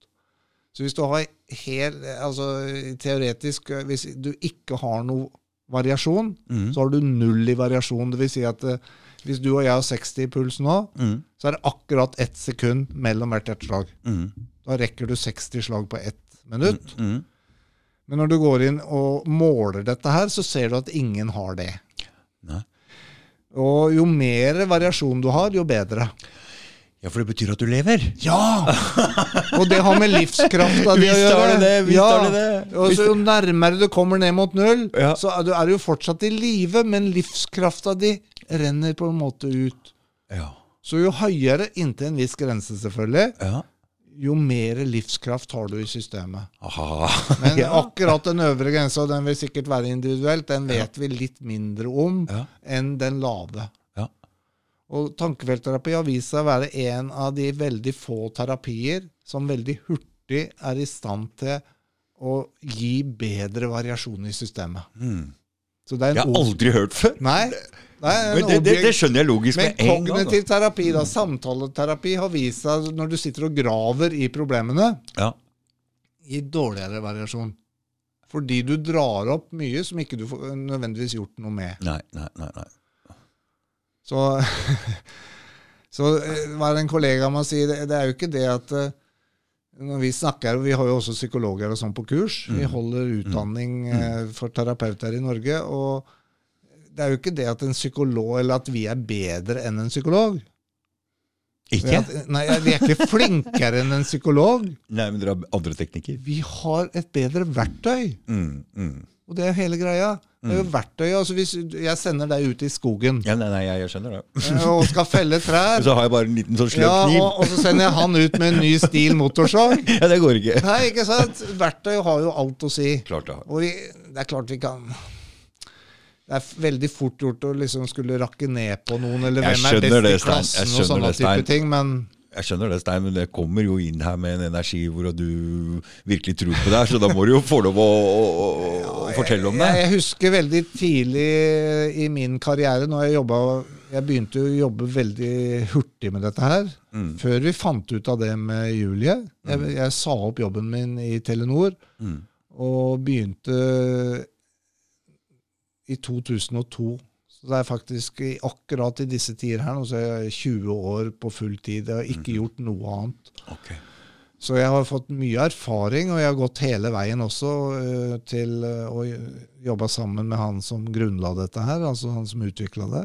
Han Callahan? han? Callahan, ja. Var i USA sammen med kona mi. Og, så, så vi har på en måte via litt livet vårt til å gjøre dette, fordi det er veldig mange der ute som fortjener å høre om det. Mm. Fordi teknikken er vanskelig å formulere på en troverdig måte hvis jeg forteller deg om den. Så hvis jeg sier liksom 'hallo', Ja, for det, det merka jeg, for når jeg skal prøve å forklare folk hva dette handler om, så, tror jeg, så, så jeg, jeg tror jeg nesten, da må jeg vente til jeg har hatt den podkasten og prata med den, for Ja. det er noe tapping-greier, sier jeg bare Ja, altså, altså Virkemidlet er jo den tappinga. mm. Uansett hvilken metode, om det heter tankefeltterapi eller emotion freedom-teknikk, som er en eh, avart av det samme.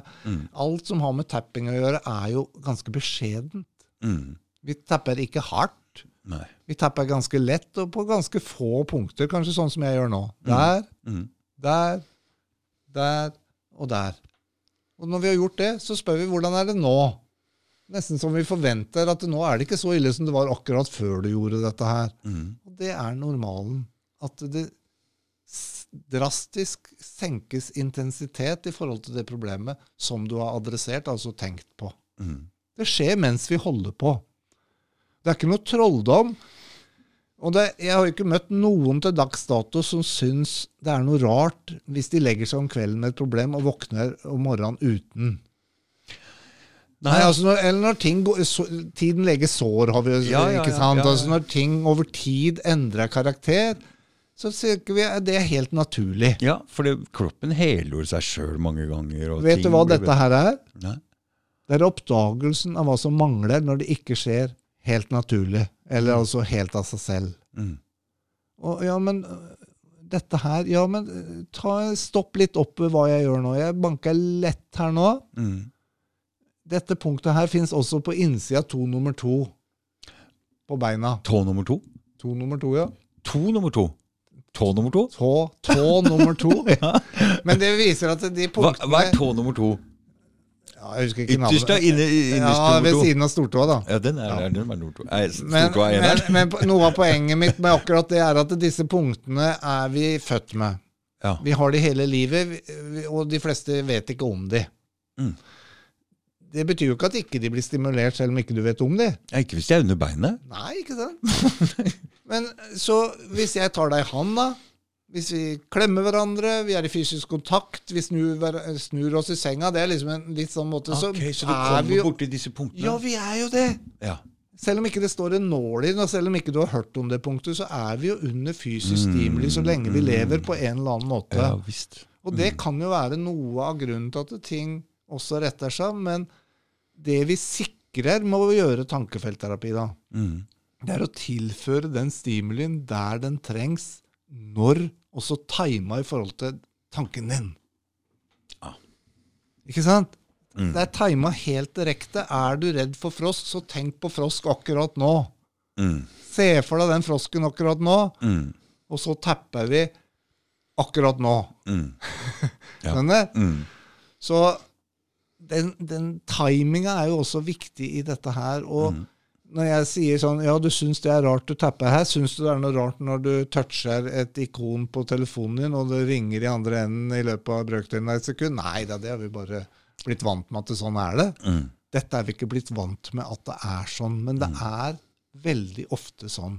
Men nå, det, nå, nå, nå, peker du på veldig konkrete, sånn som vann og en Ja. veldig sterk angst og øh, frosk og sånne ting som er veldig konkrete. Men Ja. det er jo folk som sliter med mer sånne litt mer ulne ting, og det er kanskje litt vanskeligere å Ja, det, det betyr jo ikke at For jo mer ekstremt problemet er, så lettere ser man det. Men det er jo mange som går ut med ah, altså, litt mer er øh, ulne problemer, da. Jeg er enig i det.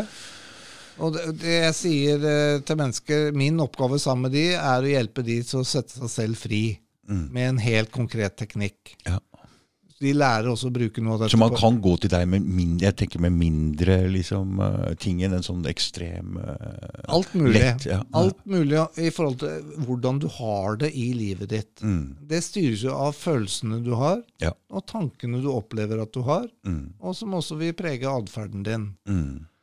Så Så alle har noe å rette på. Ja, men eh, så er det liksom Det blir jo opp til deg å avgjøre er det ønskelig, er det et problem for meg. Ja.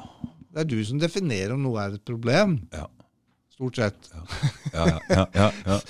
Så det er jo å finne liksom veien i dette her. Og som jeg sier til alle, vi kan ikke koble deg på en skriver, og så kommer det ut en utskrift over alt som vi trenger å gjøre noe med i den rekkefølgen vi burde, som er optimal. Det har vi ikke. Nei. Der kommer jo samtalen inn. Mm, Selv om utgangspunktet så sier vi at mennesker skal ikke Veldig mange har gått og snakka opp vegg opp og ned og i timevis Ja, om. ikke sant? ja, ja, ja. Men det.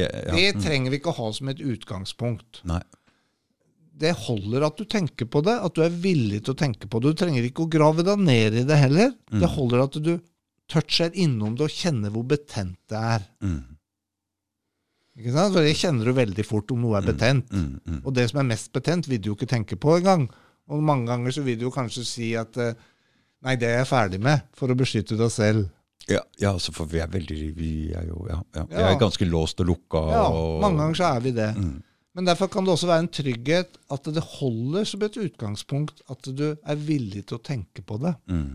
Du bør ikke engang fortelle hva du tenker på.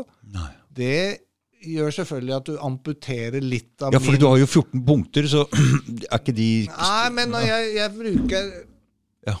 Her går det unna. Ja, Jeg bruker den kinesologien for å spørre kroppen din hvor jeg skal banke. ja det var det, ja. Ja, Mm. Så da kan jeg optimalisere og få greie på akkurat hvor kroppen din ønsker at det blir banka, i forhold til akkurat det du tenkte på akkurat nå. Mm, mm. Sa du til meg at du var innom Oslo her en gang iblant, eller? Vi holder gjerne kurs og sånn som vi har, for det er jo så sentralt fra forskjellige deler av landet. Mm, Så det er ikke så sjelden at vi nødvendigvis er her. Det mm. For du veit hva jeg sa? Jeg vil ikke men jeg har en sønn som bor her inne. Ja. Så jeg, Du veit jeg snakka om noe Ja, oppe her ja. med kanskje noen som Jeg vet ikke, men jeg skal lufte det. Ja, men ikke sant, så det, jeg vil ikke si noe mer om det. For det er kanskje Ja, ikke vits å Nei, så jeg, jeg er kanskje blitt litt eh, i eh, Hva skal vi si Litt for opptatt av å, det som har med teorien i dette her å gjøre. Mm. Altså forstå. Jeg har et veldig ønske om å forstå, og, og brikkene til å palle på plass. Mm, mm. Siden utgangspunktet er litt uforståelig. Mm. ja. Altså, det skjønner jeg at alle vi syns at det, det kan liksom ikke stemme. Mm. Mm. Men vi mennesker har jo en tendens til å bruke uttrykket 'det er for godt til å være sant'. Mm. Mm. Eh, når gjør vi egentlig det? Det er når vi skulle ønske at det var sant, ikke sant? Mm. Det er da vi bruker det. Mm. Og han som tok dette til Norge, som het eh, Mats Uldal, Mm. Han eh, vrei litt på den 'for godt å være sant'. Mm. Han sa at dette er for godt å være usant. Mm. Ikke sant? Mm. Dette er det alle skulle ønske fantes. Og jeg hadde en, en ung kar for ikke så veldig et par år siden. Han hadde opplevd veldig uheldige ting i sin barndom. Mm. eh, Som han sleit med flashback og Mm. ja, Mm. Det var ikke noe hyggelig for han, og han var veldig åpen om det òg. Mm. Det er Men det hadde ikke hjulpet noe i og for seg. Det hadde jo tatt vekk noe av tilleggsbyrden. Skammen, kunne- Ja, skammen og sånn. mm. Men uh, når han opplevde det vi gjorde i forhold til dette her, Mm.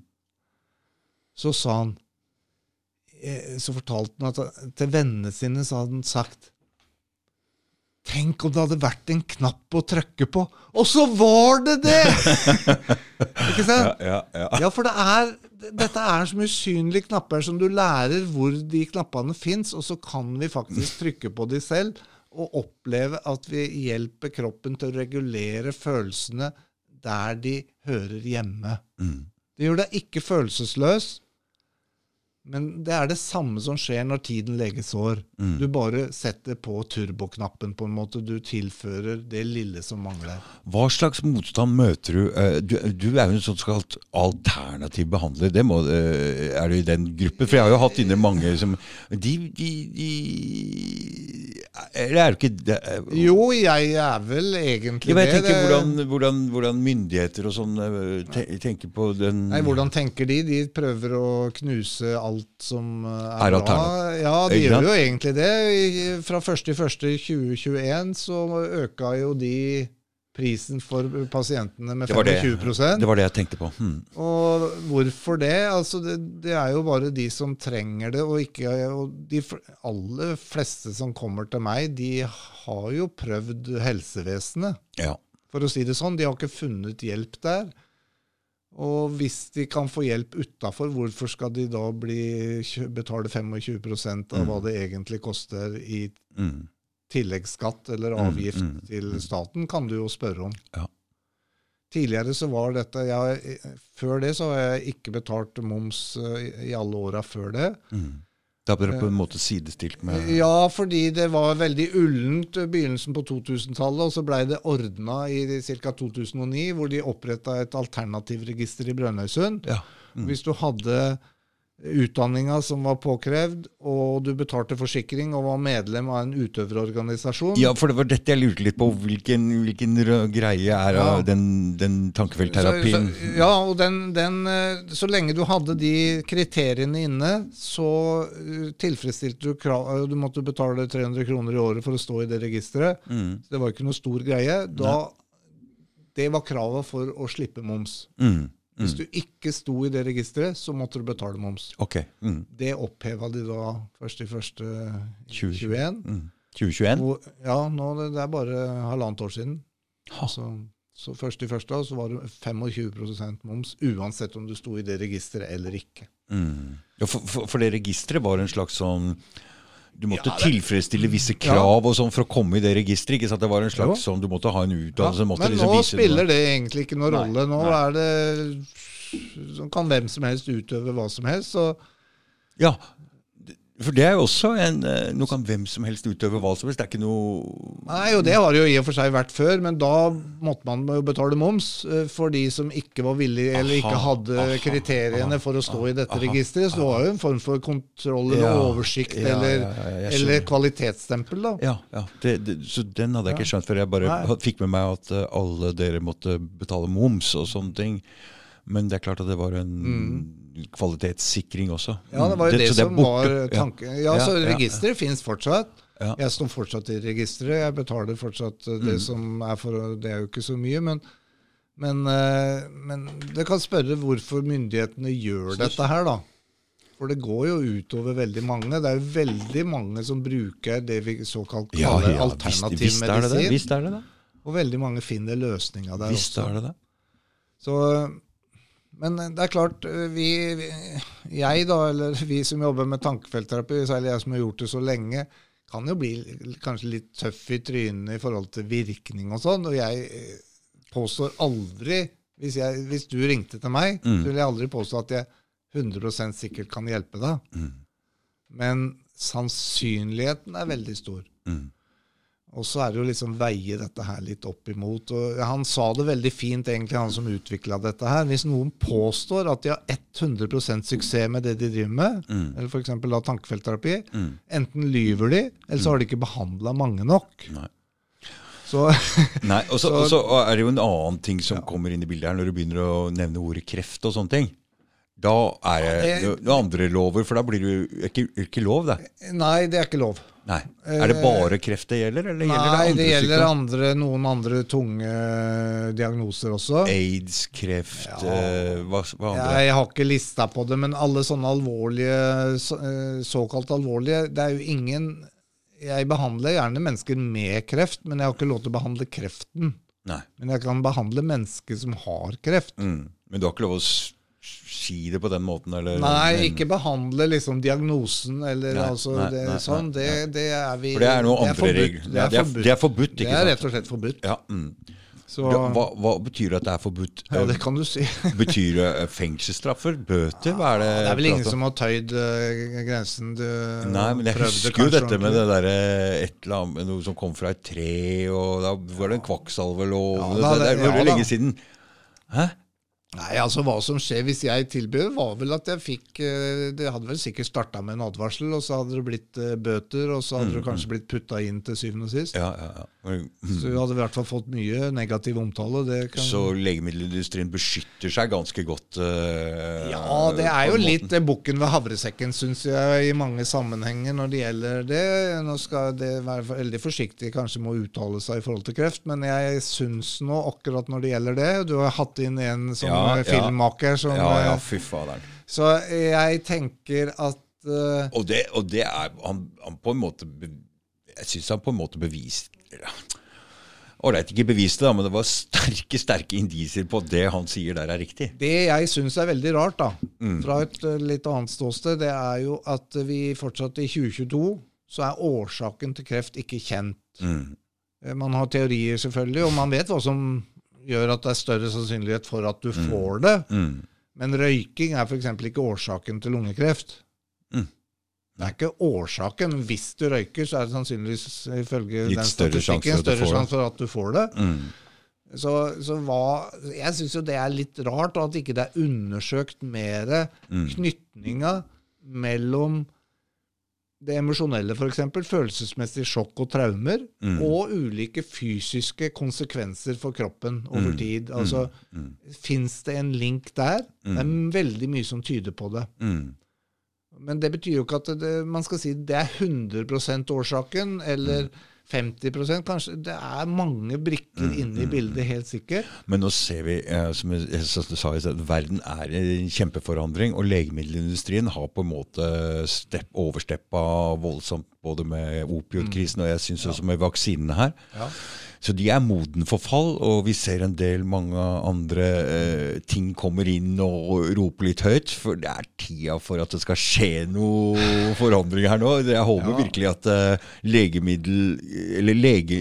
Hva, hva skal jeg kalle det greiene der? eh? Nei, og så skal Den, si og de, de, de, de, de, den må bort, og så må alle disse ting tas opp i, i å bli én ting. Så jeg, jeg er ikke fremmed for å uttale meg om legemiddelindustrien i forhold til hva jeg mener eller syns om den. Det betyr ikke at ikke legemiddelindustrien har medikamenter som er både nyttige og helt nødvendige, og kanskje livsviktige i visse situasjoner.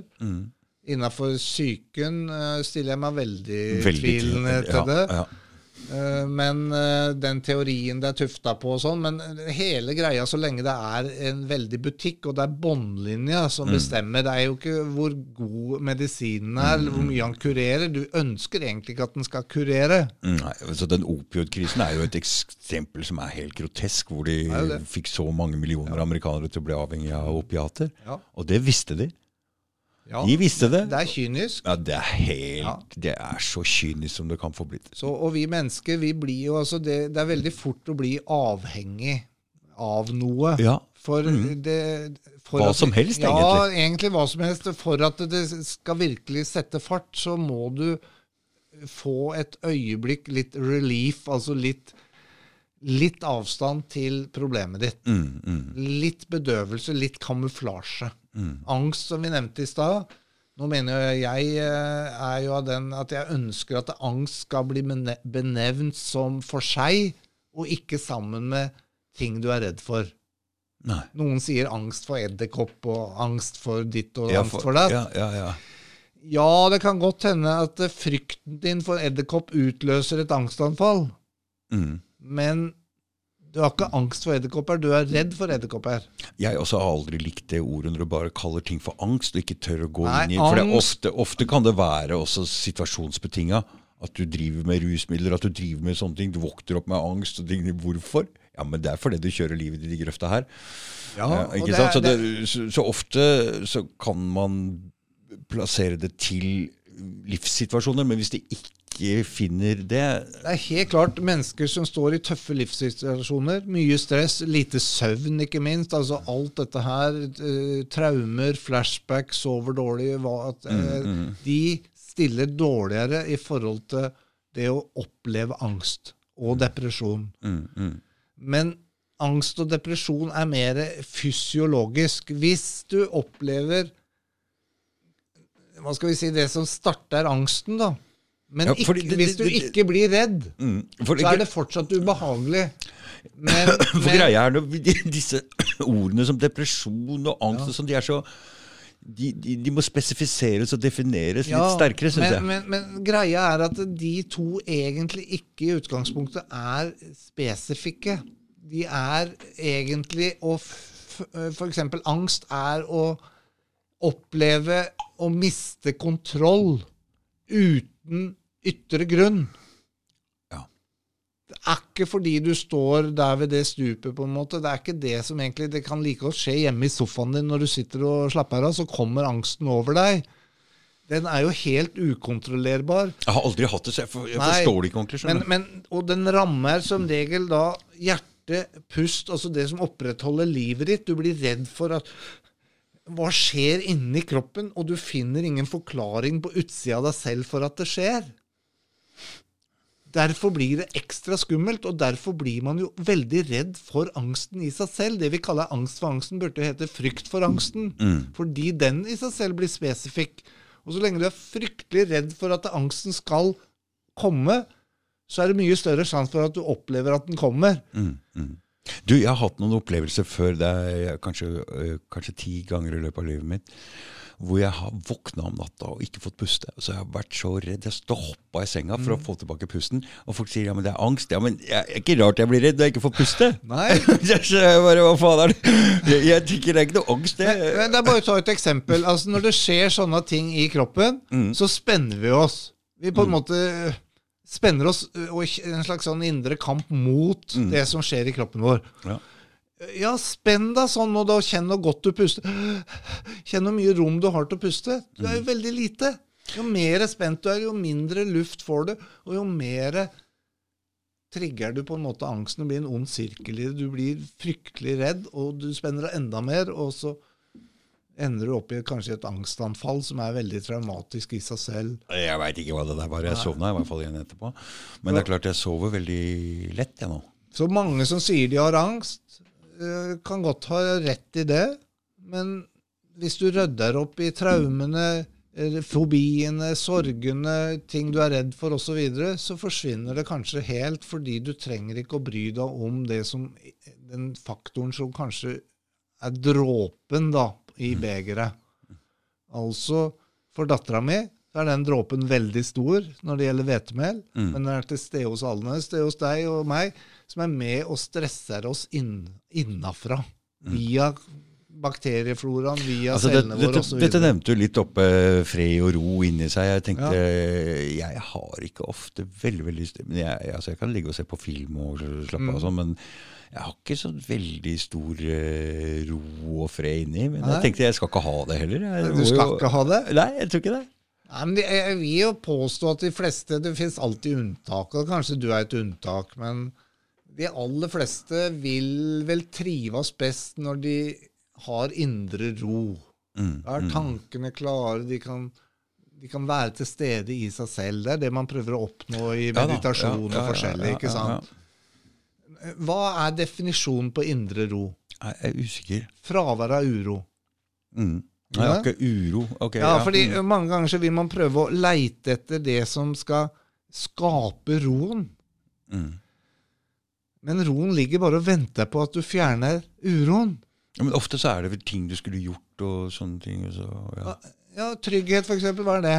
Fravær av utrygghet. Jeg var, jeg hva er? Ja. Mm. Så det vi gjør i tankefeltterapi, er egentlig å leite etter det som ødelegger for det du ønsker. Mm, men da er det jo mange og flere og flere som kanskje har en litt sånn økonomisk utrygghet. Den Ja, er ikke lett å få tappa bort. Hvorfor ikke? Jeg vet ikke. Nei, ja, men, bort. men, men hjelper den? Ikke hvis, nei, ikke hvis du ikke får gjort noe med det. Nei, ikke sant. Mm. Hvis du får gjort noe med det, så gjør noe med det. Så det kan jo være Så, så her er det bare Det er liksom begge deler. Men- det kan være hjernen din leiter etter ting å få gjort, og da er det jo bra. Ja. Men hvis det er bare en sånn uh, ugg, og det ikke hjelper noen ting, så er det ikke bra. Så det fins to forskjellige Eh, kanskje. Kanskje ikke. Ok. Jeg, jeg er fornøyd. Jeg liker egentlig tankene mine, og de Ja. løser problemer. Og Ja. jeg liker måten, måten det blir gjort på, så jeg er fornøyd med det. egentlig. Jeg er ikke noe plaga Nei, men da har du det fint. Ja, ok, Så det er, en or det- er liksom orden på det? Ja, altså Det er jo din subjektive opplevelse Ja, av ja, eh, det samværet du har med deg selv i deg selv. Ja, ja, ja, ja, Det er det som avgjør egentlig. Det er ikke jeg som skal sitte og si at du har et problem, men hvis du erfarer at det Mm. er områder som, som du skulle ønske du fungerte annerledes på, at ikke du ble så sinna, eller at ikke du Mm. ble så lei deg, eller hva det måtte være. Men, så, men så var vi inne på noe i stad med de rusmidlene som sprenger altså følelsesregisteret ditt. liksom, eh, Så det blir vanskelig å, å toppe de med vanlige følelser. og så det, så det er jeg jo klar over Nei, jeg jeg fortalte deg om hun som var 15 år, og som Ja, tok ja, ecstasy. ja, og så mm, spør jeg, jeg må jo være nysgjerrig og spørre hvordan er det egentlig? Og det var 100 ganger å være forelska. Mm, Det var hennes subjektive opplevelse. Gikk det fem la oss si det ligner på det, da. Ja, det var, men det var hennes måte å Ja, ja, ja. uttrykke Mm, det på, da. mm. Overfor meg. Mm. Så gikk det fem sekunder, så Nei, forresten, så det, er tusen ganger. Uff da. Det var liksom helt ubeskrivelig. Uff da, det høres ut som hun skal gjøre det mer. Så hva gjør jeg da som terapeut og med tankefeltterapien? Så spør jeg ja, hvordan er tanken på å ikke oppleve det igjen? Ja. Og det er jo skikkelig nedtur. Mm, mm. Ja, Så banka vi på den følelsen av å ikke skulle oppleve noe som var tusen ganger å være forelska. Mm, Dette var jo en falsk positiv. mm, mm.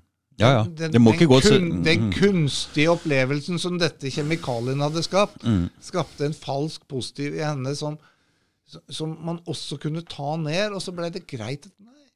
Og da kan resten av livet komme fram og vise flere farger og være bra, Mm, når du har fått vekk det falske positive som egentlig hang sammen med medikamentet eller, Mm, eller det rusmiddelet.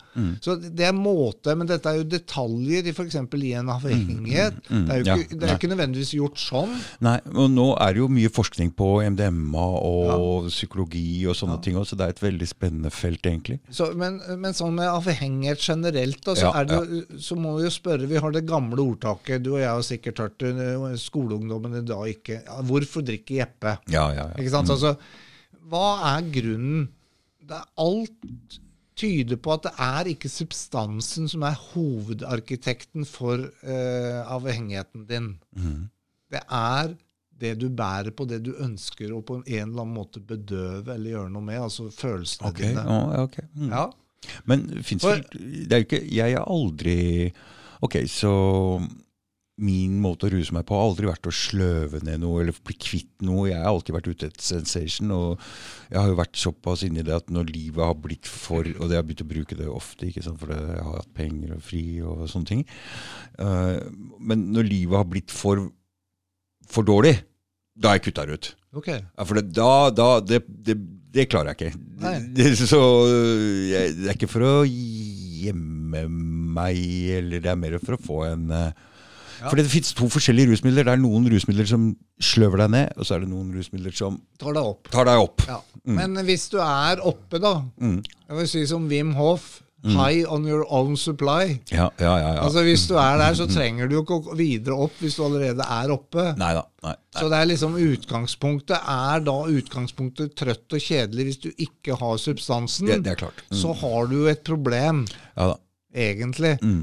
Og det er det det handler om å ta vekk. For det som gjør noe trøtt og kjedelig, det er følelser. Alt handler ja, mm. om følelser. Og, og, og, og, så vil de følelsene igjen tiltrekkes av mm, tanker som passer til disse følelsene. Mm. Så, så, det, det, det har du helt rett i. For når jeg slutta helt og gikk inn i 10-12 år uten, mm. så var det ganske grått. For, men altså, jeg måtte jo begynne på nytt igjen nå. Så livet mitt var jo mm. nesten ikke på ingen jeg var helt der. Det, det passer. Men etter hvert det vokser, vokser, vokser Det er litt det samme som mennesker. Hvis jeg møter mennesker som øh, de blir veldig veldig sårbare hvis de gjør seg avhengig av andre mennesker. Ja. Altså gjør seg avhengig av andre altså på sårbar. utsiden av seg selv. Ja, klart, Fordi alt som er på utsiden av seg selv, det har du egentlig ikke kontroll på. Nei. Og når det da eventuelt blir borte, mm. de finner seg en ny en, eller hva det måtte være, hvis det er et forhold, mm. Mm. så sitter du igjen fordi du ikke står i deg selv. Ja, ja, ja. Det kan godt gjøre litt vondt når det skjer ting du ikke ønsker, mm. men hvis du står støtt i deg selv, så kan du bære på den smerten. Mm, bedre. Og, mm. ja, og mm. det, det, går over, for å si det på den måten. Så kan vi selvfølgelig bruke tankefeltterapi. men det er jo ofte et sånt brudd uh, gjør at du må finne deg sjøl også. Ja, på et eller annet som også må finne tilbake til fordi man gjorde seg avhengig. Det er også en avhengighet av andre mm. eller situasjoner eller hva det måtte være. Og Det er jo egentlig det det handler om, å få den indre tryggheten i mm, oss. Mm. Det er fravær av utrygghet, sånn som jeg sier det. Mm. Indre ro, fravær av uro. Det er det det er. Mm. Det, og det, og det, men det utspiller seg på en litt annen arena når vi jobber med tankefeltterapi, og den sitter det langt inne helt å forstå. Og det blir også når man opplever det, så forstår man det ikke helt da heller. Nei.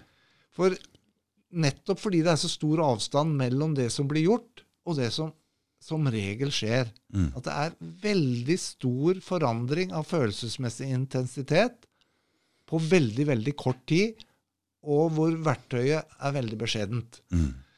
Og da vil hjernen, Det kalles Apex-problemet. Vi har et helt eget kapittel i tankefeltterapi som handler om hjernens manglende evne. Han har ikke noe krok å henge denne opplevelsen på. Mm. Og jeg kan illustrere det litt med jeg hadde, Der jeg jobber, så var det tidligere et sånt Hjelp24. Sånn, eh, eh, det gikk på eh, som Hva heter det? Bedriftshelsetjeneste. Okay. Og vi jobba i etasjen over, så tenkte jeg kanskje vi skal presentere hva vi holder på med. Det kan kanskje være interessant. Så vi ble bedt ned i lunsjpausen deres. Mm. Og der satt de flere sykepleier og noen leger og litt forskjellig. Mm. Én ting er å fortelle om dette her. Mm. Det syns jo jeg er moro, men mm. Eh, det er enda moroere å demonstrere det. Mm. Altså live, mm. med ikke bare hva vi gjør, men faktisk hvilke resultater det produserer mm. på direkten. Så jeg spurte da rundt bordet om det var noen som hadde lyst til å prøve. Så kikket de selvfølgelig litt på hverandre. Litt det var sikkert flere som kanskje hadde noe, men det var en av legene som tok litt mot til seg. Så egentlig så begynte han å si jeg har slitt med litt vondt i ryggen de siste dagene. Ja, Men dette er ikke noe mentalt her? Ja, det, det, Nå kommer det, for det, det, var ikke ryggen, egentlig. Men han kjente ikke så mye til den nå. Men så mm. kom det hva det egentlig handla om. Han bare starta der. Det var liksom, okay. eh, han hadde veldig høydeskrekk. Det var han, skamma han seg sikkert litt over. En voksen mann og liksom Han kunne ikke gå ordentlig opp i gardintrappa når han skulle male liksom på huset engang. Mm. Ok, kan du komme fram? eh, Vil du Ja da. Så han kom fram. Og så ba jeg han Ok, hvis du ser for deg, visualiserer nå at du skal opp i den gardintrappa, Mm. hvordan er det akkurat nå, bare ved tanken på det? Og det var på den skalaen som vi ofte bruker 0 til 10. Det var høyt oppe. Du så det på nå. Mm. Det var et stort problem for han. Og så gjør vi det vi gjør. Banka sånn som det her. Sånn som det her. Jeg ba han gjøre det, og jeg gjorde det ikke på han. Bare Men, men det er lett å treffe selv, eller? De er ja, store, hvis, de hvis, du, hvis du herm etter meg nå Ja. Du får til det. Ja, ja, ja, ja. Herm etter meg nå. ja, men det der er jo et kjempesvært sted. Ja, men vi bruker Når vi banker, så sprer det seg litt som ringer i vann, så du bør ikke som det er ikke, så- Hadde det vært akupressur, Ja, det er det jeg tenkte. vært Ja, ja, ja. Men dette er jo en form for akupressur. Det holder å være i nærheten. Akupressur. Ja. Det er trykk eller massasje eller sånn. Dette er jo ved, sånn, Det er jo ikke bare ett trykk, Nei. men det er trykk sånn som Da blir det som ringer i vann. Mm. Så jeg, vi gjorde akkurat det som jeg viste deg nå. Hva Mm. han gjorde. han gjorde det villig. Han fulgte med hva jeg gjorde. Sånn. Mm. Tre punktene. De tre, ikke noe mer. Og så spør jeg hvordan er det nå. Og så er det i grunnen et godt tegn at svaret ikke kom med en gang. Mm. For han leita etter det som var. Jeg må si at Jeg husker ikke akkurat hva det han sa til å begynne med, men at jeg sier at det var åtte på den skalaen da, Mm. av ubehag, bare ved tanken på det. Mm. Og så leiter han, og øh, Nei, og så fant han ikke noe. Mm. Han fant ikke det som akkurat var der. Mm. Men det- han kunne jo ikke leve med at det hang i løse lufta. Så han forklarte Nei, du skjønner, jeg må være oppi den stigen. Mm. Men da ble han jo egentlig svar skyldig, for han var jo ikke oppe i stigen for et halvt minutt siden heller. Nei. Så jeg sa ja, men du var jo ikke oppe i stigen nå akkurat. Og det huska han jo godt at ikke han var. Mm. Han sto jo der bare og tenkte på det. Mm. Men hjernen skjønner ikke at vi bare tenker så veldig ofte, så vi store deler av følelsen kom opp bare ved å se det for seg. Mm. Dette er jo det de driver med i, i, i idretten nå. Ikke sant? De hopper på ski i ja, huet. Ja, ja, ja. Så, så det endte opp med rett og slett at han, han klarte ikke å finne det. Mm. Det var ikke der lenger, tilsynelatende. Så jeg ba han ta Du får bare si fra når du har vært hjemme og testa det live. Hørte ikke noe mer fra han, men, men det er sånn at man klarer ikke helt å på en måte begripe den forandringa som kommer, og som vanligvis ved Men nå er jeg litt spent med de Hjelp24. Blei det noe videre samarbeid? Nei, de, har flyttet, de flytta ut derfra. Det har vært mye rokering i det bygget. Så det, men det hadde vært veldig fint eh, å fått noe sånt noe. Men nå er jo de skolemedisinske, så det- det var jo ikke For egentlig for forventa heller. Nei, men det er for det dette Hvis det er sånn, så må egentlig skolemedisinen dra opp i seg mange forskjellige ting her hvis det skal bli et komplett ja. system. Nå er jo ikke dette her eh, Det kan jo hende han kommer til å se denne videoen. Eh, Han heter Audun Irgens. Han er psykiater, på oh, ja, mm. Austa, overlege på Aust-Agder sentralsykehus i Å ja, du, du blåser den rett ut her, ja. Ja, det gjør ingenting, for han er en veldig ekstremt hyggelig eh, kar. ja, Eh, Han gjorde en forstudie på tankefeltterapi av nysgjerrighet Ah, etterpå? først på 2000-tallet, 2003. Oh, ja. Mm. Eh, Rett og slett en privat liten studie i forhold til hvordan dette kunne være. Mm. Eh, Blei veldig inspirert av det han opplevde der, og søkte om midler. Det tok noen år før han bl.a. fikk Mental Helse til å gå inn med midler for å gjøre en ordentlig studie, Oi. hvor han sammenligna tankefeltterapi med kognitiv terapi. Altså gullstandarden kognitiv terapi med medikamenter. Gullstandarden okay. i forhold til mm, mm. angst. Ok. Mm. Og dette var et veldig smalt eh, noe som heter agorafobi, eller angst for angsten. Ah. Uh, hvor man bare fikk lov til å behandle selve på en måte diagnosen. Mm. Eh, tankefeltterapi fikk til rådighet eh, jeg, var, jeg, skulle, jeg gjorde ikke tankefeltterapien, men jeg skulle overvåke og skrive rapport om at det var tankefeltterapi som ble gjort etterpå. Mm. Uh, så tankefeltterapi fikk fem timer til rådighet. Kognitiv terapi fikk tolv. Mm. Det var jo litt skeivt på en måte, men det var sånn som markedet vanligvis tilbyr det. Mm. Så på den måten var det riktig. Eh, tankefeltterapi fikk ikke lov til å gjøre det som de alltid gjør, altså går etter traumene og det bakenforliggende forhold og behandler på en måte hele mennesket. Mm. bare behandle angst for angsten, eller agorafobien. Mm.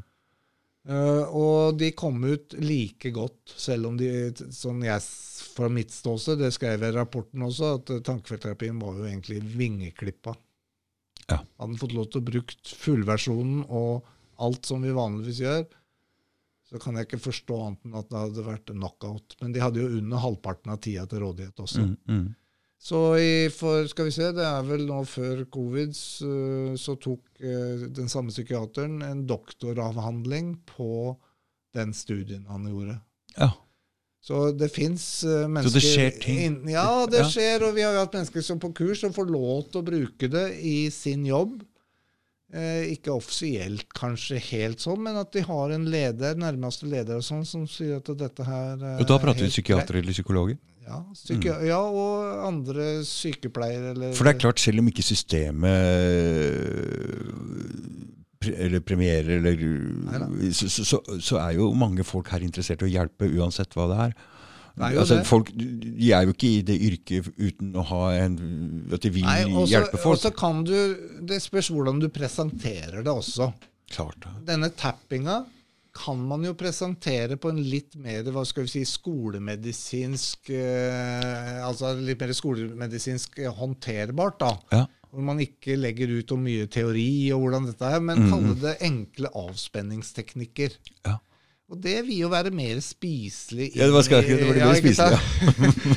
ja. Så, så det å kunne bruke noe av disse enkle teknikkene som er lett tilgjengelig, egentlig Du Mhm. trenger kun kunnskap, og det ser vi jo Så de må lures inn i det på en måte? Ja, jeg vet ikke om vi skal lokkes. bruke det uttrykket, men, men hele systemet er jo veldig rigid. Ikke sant? Det er jo ikke sånn at, eh, at man får lov, eller at det er ønskelig at noen skal gjøre noe annet. Det er jo styrt av pengemakta bak, sånn som jeg ser det på mange Mm, måter. mm, All mm. utdanninga er jo det. Hva Ja, lærer de Ja, ja, gjennom den samme kverna? Mm. De kommer ut i andre enden som kopier av eh, seg selv. på mange det er klart at Når du har satsa en så stor utdannelse på Det går jo så- prestisje i det. Ikke sant, Så vil du jo tro på det. Så, nei, så det hva som skjer framover og sånn i forhold til det. Men vi, har jo, vi kjører jo kurs øh, noen ganger i året, og, og da har vi jo både psykologer Sist nå var det Hun er eh, anestesioverlege på St. Olavs hospital. Hun bruker jo en del av denne tappinga for å berolige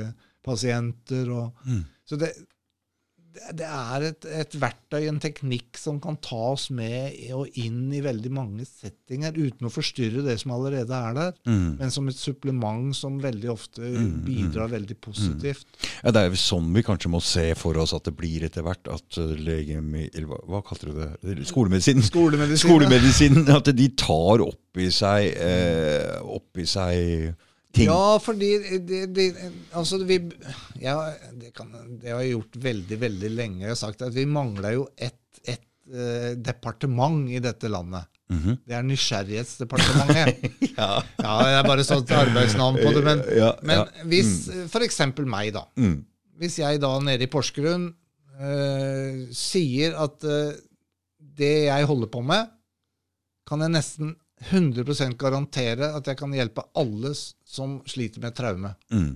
Akkurat når det gjelder traume. Da må Nysgjerrigdepartementet ta, ja, bli altså, nysgjerrig. Hvis vi hadde et sånt departement, så, sånn for samfunnsøkonomisk og alt sånt, noe, så hvis det jeg forteller er riktig, eller at det er Mm. delvis riktig, så vil det uten tvil skulle vært interessant. Ja. Så hvis jeg kommer da og banker på døra til liksom myndighetene og sier har du dokumentasjon? Mm. Det har vi i mange år mangla ordentlig. Nå er det egentlig på plass, men Mm. det ser ikke ut til det hjelper så veldig mye av den grunn. Men, men i hvert fall, det skulle vært motsatt. At hvis jeg hevder det Jeg har mennesker som står fram og forteller at det jeg hevder er bra også. Så kunne de tatt en telefon til meg, og så kunne de sagt Ok, vi har ti stykker som vi vil at du skal demonstrere dine påstander. Mm. Så kunne de jo begynt. Det hadde ikke kosta så veldig mye. Det skulle sånn. selvfølgelig jobba mennesker som var helt uhilda. De hadde et mandat å finne oppdagelser som er gjort på utsida av systemet. For Nå, det gjør- nå, det nå håper jeg du prater om verden om fem til ti år. Ja, Det er sånn jeg tror Ja. at Fordi, som jeg har sagt hele tiden her, verden er i kjempestore forandringer Ja. Og jeg håper at det blir til det bedre. Det er ganske naivt å tro at alt, eh, alle oppdagelser blir Nei, gjort nei. inne på kontorer av, i, det, i, holdt jeg nesten på å si, Det blir gjort mye fornuftig mange plasser, men det blir fra tid til annen gjort veldig viktige oppdagelser der ute, på utsida av A4, Mm, mm, og som er verdt å ta inn og undersøke. Hvis ikke du undersøker det, så går du jo glipp av, kan du gå glipp av gull, rett og slett. mm, mm. Så, men jeg bruker ikke mye energi på Jeg sitter her nå, da, men Mm, jeg bruker mm. ikke ellers mye energi på å prøve å omvende systemet, for det må egentlig skje unnafra. Mm, Altså at mm. du og jeg og flere får greie på, og, og er nysgjerrige, ikke minst, Mm, så å finne ut at Oi, jeg kan ikke helt skjønne hvordan det er mulig, men det funker veldig ofte. mm, mm. Og da har man kommet mye lenger. Mm.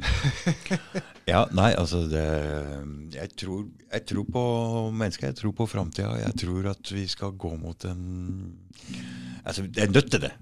Vi skal det. Det er bare sånn Det er lagt opp. Ja, og det, det er eh, Det tar bare litt tid. Sånn, sånn som vi har vært igjennom et par år og sånn tidligere nå, så er jo liksom en, en nedvurdering av det menneskelige, fantastiske systemet som vi har. Det kom ikke ut en bisetning om hva vi kunne gjøre for å styrke vårt eget immunforsvar. Det er liksom Nei, det virker ikke. Du må nødt til å gjøre det. Ja, men det, det, er bare bra, det, det er bare bra at de var så rigide på det der. For at det, det, nå er det bare så mange som bare sier at det, hva er dette for noe? Så, så det det er bra egentlig, for det har vekt skal vi bruke ordet, Det har vekt opp en masse folk til å se at hei, systemet her er eh, Vi må se noe annet, vi må ha noe annet. Det er jo det som egentlig har skjedd. For det er alltid når noen presser en vei veldig hardt, så Det det. kommer det en motvekt. Ja.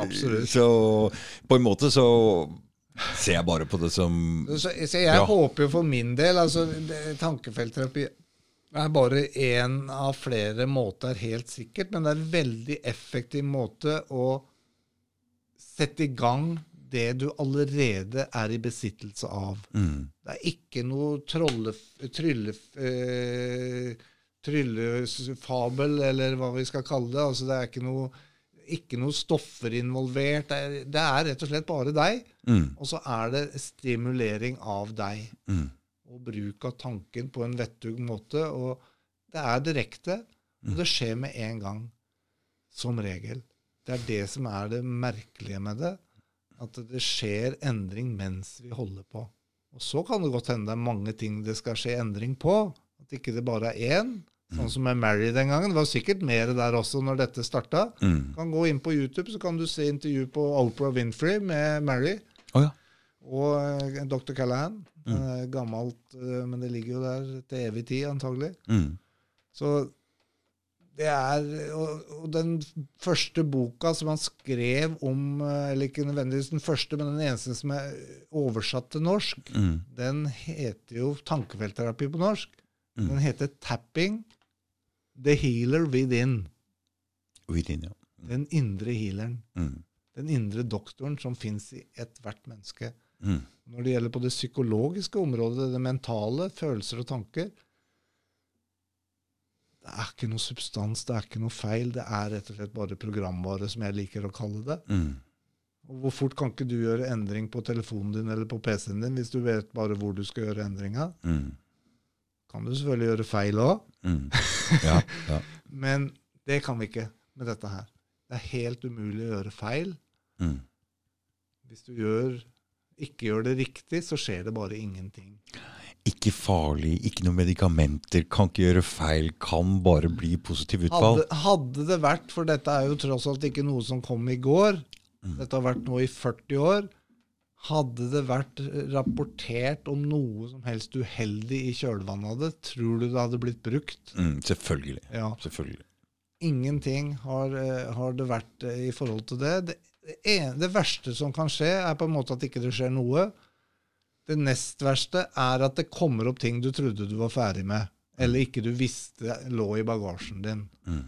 Og det hender jo, men det skjer som regel mens man holder på, og det er egentlig hva kollegaen man sier, det er jo det som ikke kommer opp, som er det mest uheldige. Det som kommer opp, har jo sjanse til å bli borte. altså skje noe positivt med. Mm. Nei, dette her var, det er veldig interessant. Jeg skal som sagt spørre en eh, person om han er villig til å prøve dette her. Så skal jeg betale deg gledelig for at du kommer hit og gjør det. Og prøver det. Jeg, um, Ja. jeg ser jo også litt sånn meninga med folk kommer inn i livet mitt her, og kanskje Ja, se. Det blir Ja, det eneste man trenger, er egentlig at eh, den det eventuelt gjelder, er nysgjerrig og villig. Man Og- trenger ikke å tro på det. Nei, men jeg har sett en Jeg har sett en viss nysgjerrighet du, så, og en viss vilje til å break free. Så Det er det det handler det om. Bli satt fri, sånn at man kan leve det livet man ønsker, og det man fortjener. mm. Det er rett og slett Absolutt. det. Jeg hører at samtalen glir litt sånn rolig. Jeg ser du blir litt sigende i øya. er det noe mer du har lyst til å si? Det, det jeg har lyst til å si at eh, etterpå Du skal få lov å sende meg noen linker og, Ja til denne videoen, kanskje. Til Ja. uh, nettstedet ditt og mm, sånne ting, så folk kan finne deg. Og ja. Du skal rett og Ja. slett få skrive hele greia sjøl. Jeg er veldig flink til å Ja gi det problemet til gjesten.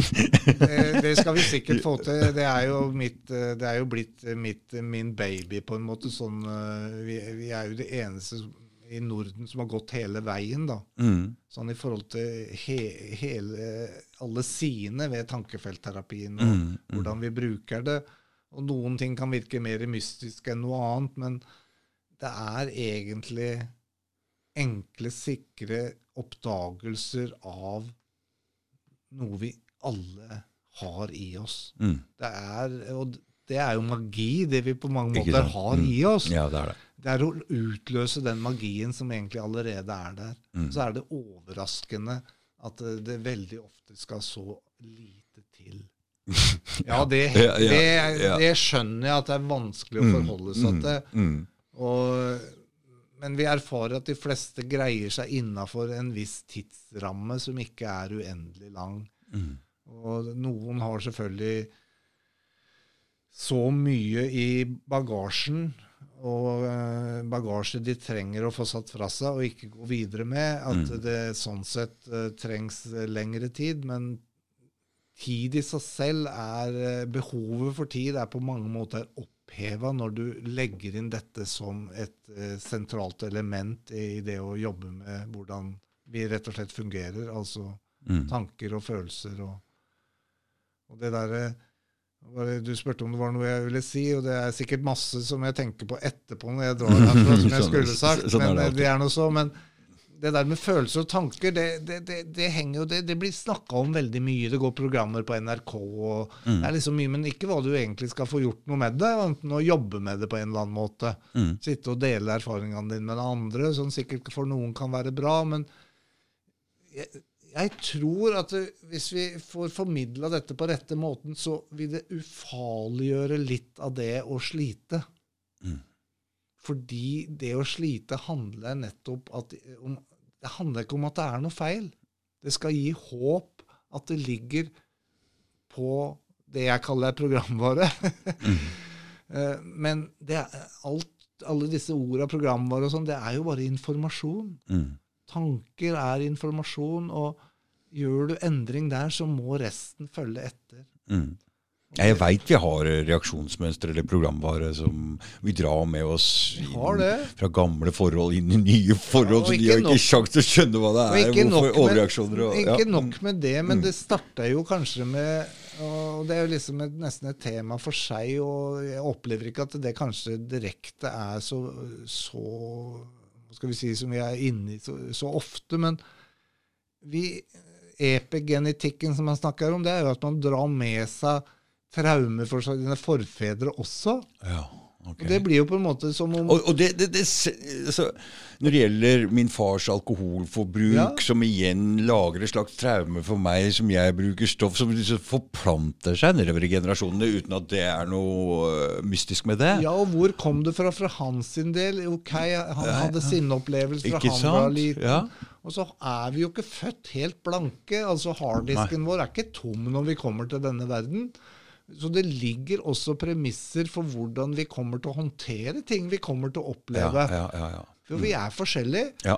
Og det skal vi juble over, at det er forskjellig. Ja, ja. Men samtidig så vil det kunne være generasjonstraumer og ting som ligger, Mm. som kanskje man må reise litt tilbake mye lenger enn eget liv også. Fra Mm. le- lenge før. Man kan huske i hvert fall når man lå i mors liv. Og, men det er fullt mulig. Mm. Det er mulig å reise fordi vi har evnen til å tenke. Mm. Så kan vi egentlig reise i både i tid, begge veier. Og det er utrolig spennende å se hvordan det ubevisste fanger opp og vet på en måte det aller meste. Og det jeg avslutta gjerne med med de aller fleste som møter meg, det er at vi tester, sånn som jeg gjorde med deg med armen i stad. Mm. Det er å be de si noe som bør gjøre at de blir sterke og solide i systemet. Mm. Det, jeg ber de si 'jeg er god nok'. Mm. Det er veldig få som er ordentlig sterke og solide på det, faktisk. Mm. Så der trenger de på en måte en oppkvikker i systemet, at det, det, det blir en sannhet, Mm. og ikke noe de tviler på. Mm. Er de litt svake, så tviler de egentlig. De kan godt si det, men de gir ikke den pushen i riktig retning som de eh, fortjener og trenger. Jeg tenker litt sånn, jeg er bedre enn god nok, men noen ganger så føler jeg meg litt dårligere også enn god nok. Da, det var bare et sånn lite eksempel på Ja. en affirmasjon eller en, en sånn statement. Ja, ja, For å sjekke hvilken refleks får man fra det underbevisste når du uttaler noe som i utgangspunktet skal og bør være positivt. Mm. Så får man mange ganger en tvil, og en. Man er ikke helt venn med, Mm. med sin egen uttalelse, egentlig. Nei, for Da vil en positiv, eh, positiv ytring ha motsatt effekt fordi han trigger noe oh, ja. negativt i deg. Riktig. riktig, Ja. riktig. Så det er ikke for alle å gå og si i Nei, speilet altså det, jeg er, sånn og sånn. det er mye bedre å gå og si at jeg er stor og sterk og, og pen og hva det måtte være, enn å si det motsatte. Ja, det er det. Ja. Men hvis det å si det positive gir en negativ respons Ikke sant, for det, det kan det selvfølgelig. ja, Mm, mm. så møter du deg på en måte sjøl i døra. Så da må det tappes litt.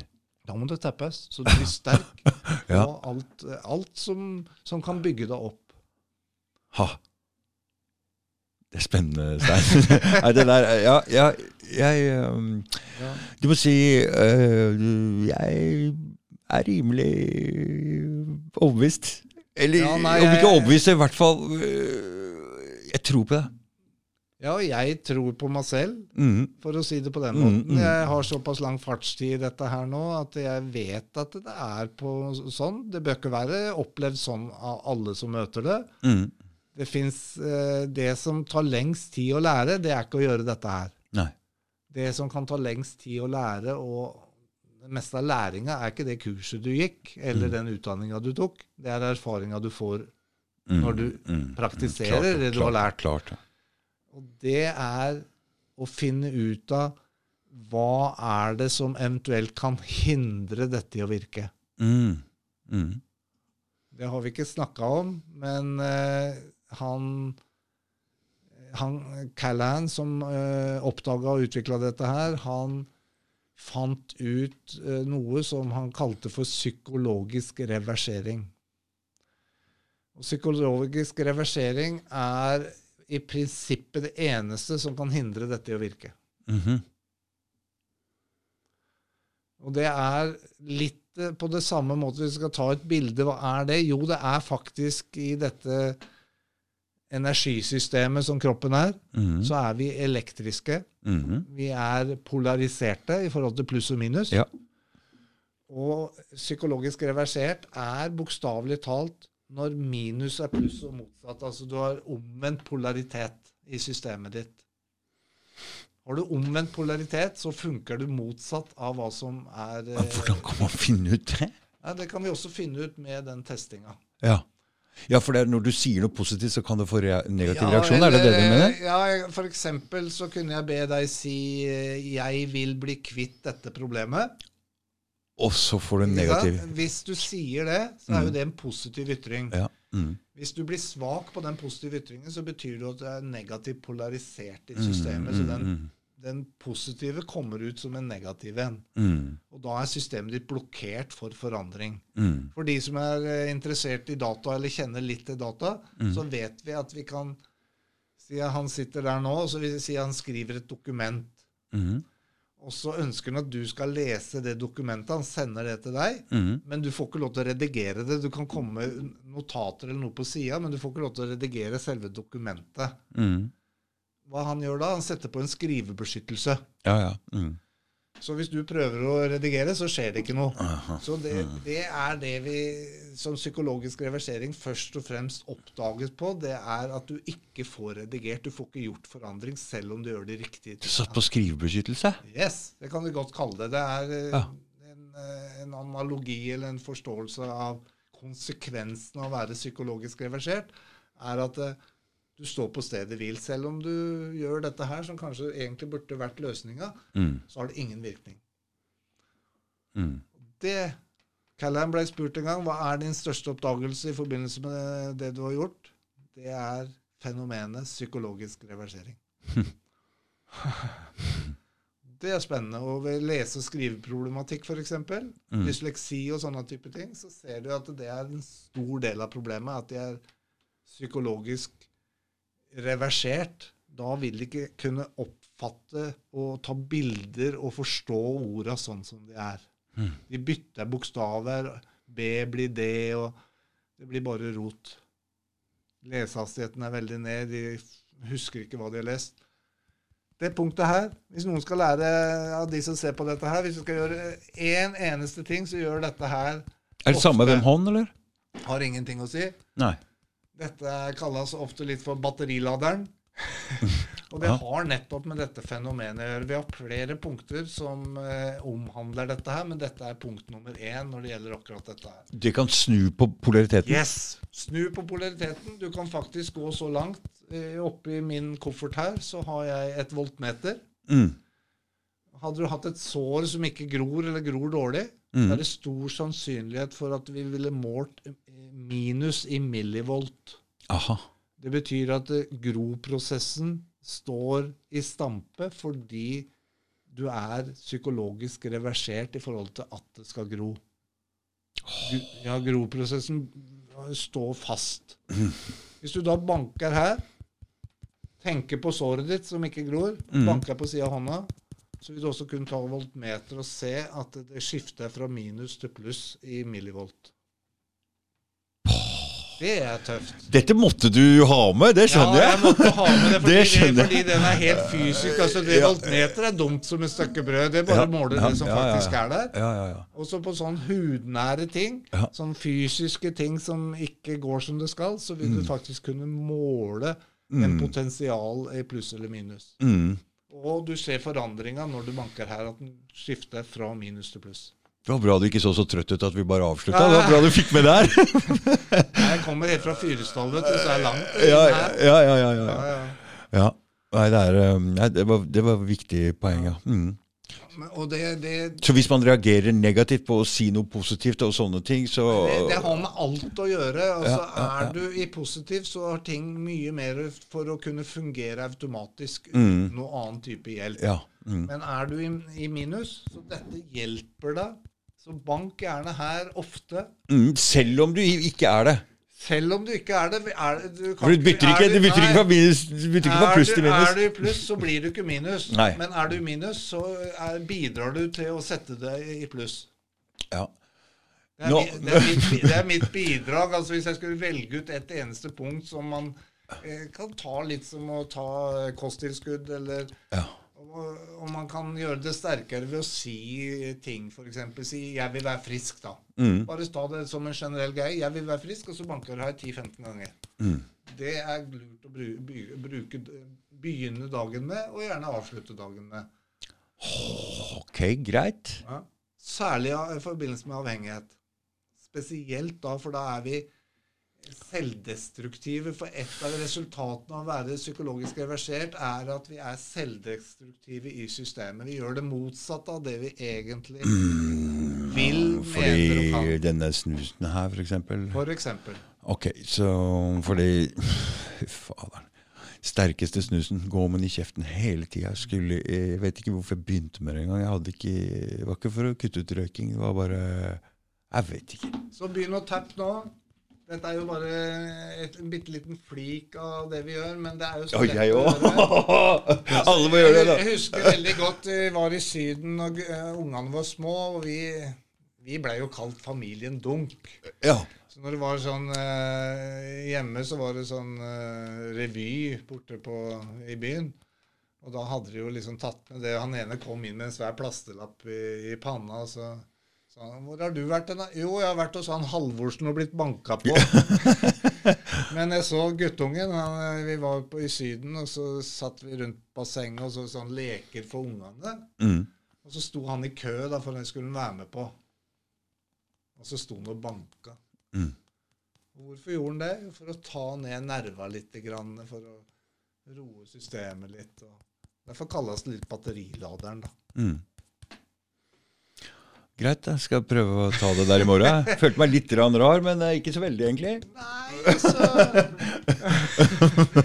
det, det, kommer til å åpne seg mye mer. Den, den dagen du ser eh, en eller annen, f.eks. en hopper, mm. sistemann ut kan vinne gull, mm. og så ser du han gjør dette her før han setter utafor. Da veit jeg hva han driver med. Da vet du hva han driver med. Og da kan du åpne ja, kanskje det kan vi gjøre det. Kanskje vi kan gjøre det flere. At vi kan åpne for å liksom gjøre ting som i utgangspunktet vi ikke har lært på skolen, og som virker litt pussig. Mm. Særlig, særlig, hvis han da vinner gull òg. da, da ser hele folket går og tapper. At de avslører litt av hemmelighetene sine, hva de driver med på bakrommet. på en måte, De forskjellige. F.eks. For Haaland du har hørt om, som du snakka om. Hva ja, ja. gjør de? Mm. Jeg, kanskje mm små detaljer ja, ja, ja, i et større puslespill. Mm. Men noen av de detaljene kan være mye mer avgjørende enn de ser ut på sånn ved å se på det. Mm. eksempel dette her. Mm. Tusen takk for at du kom, Stein. Takk for at jeg fikk komme. Det var, det veldig hyggelig. Ja, det var veldig interessant òg. ok. Ha det. Ha det.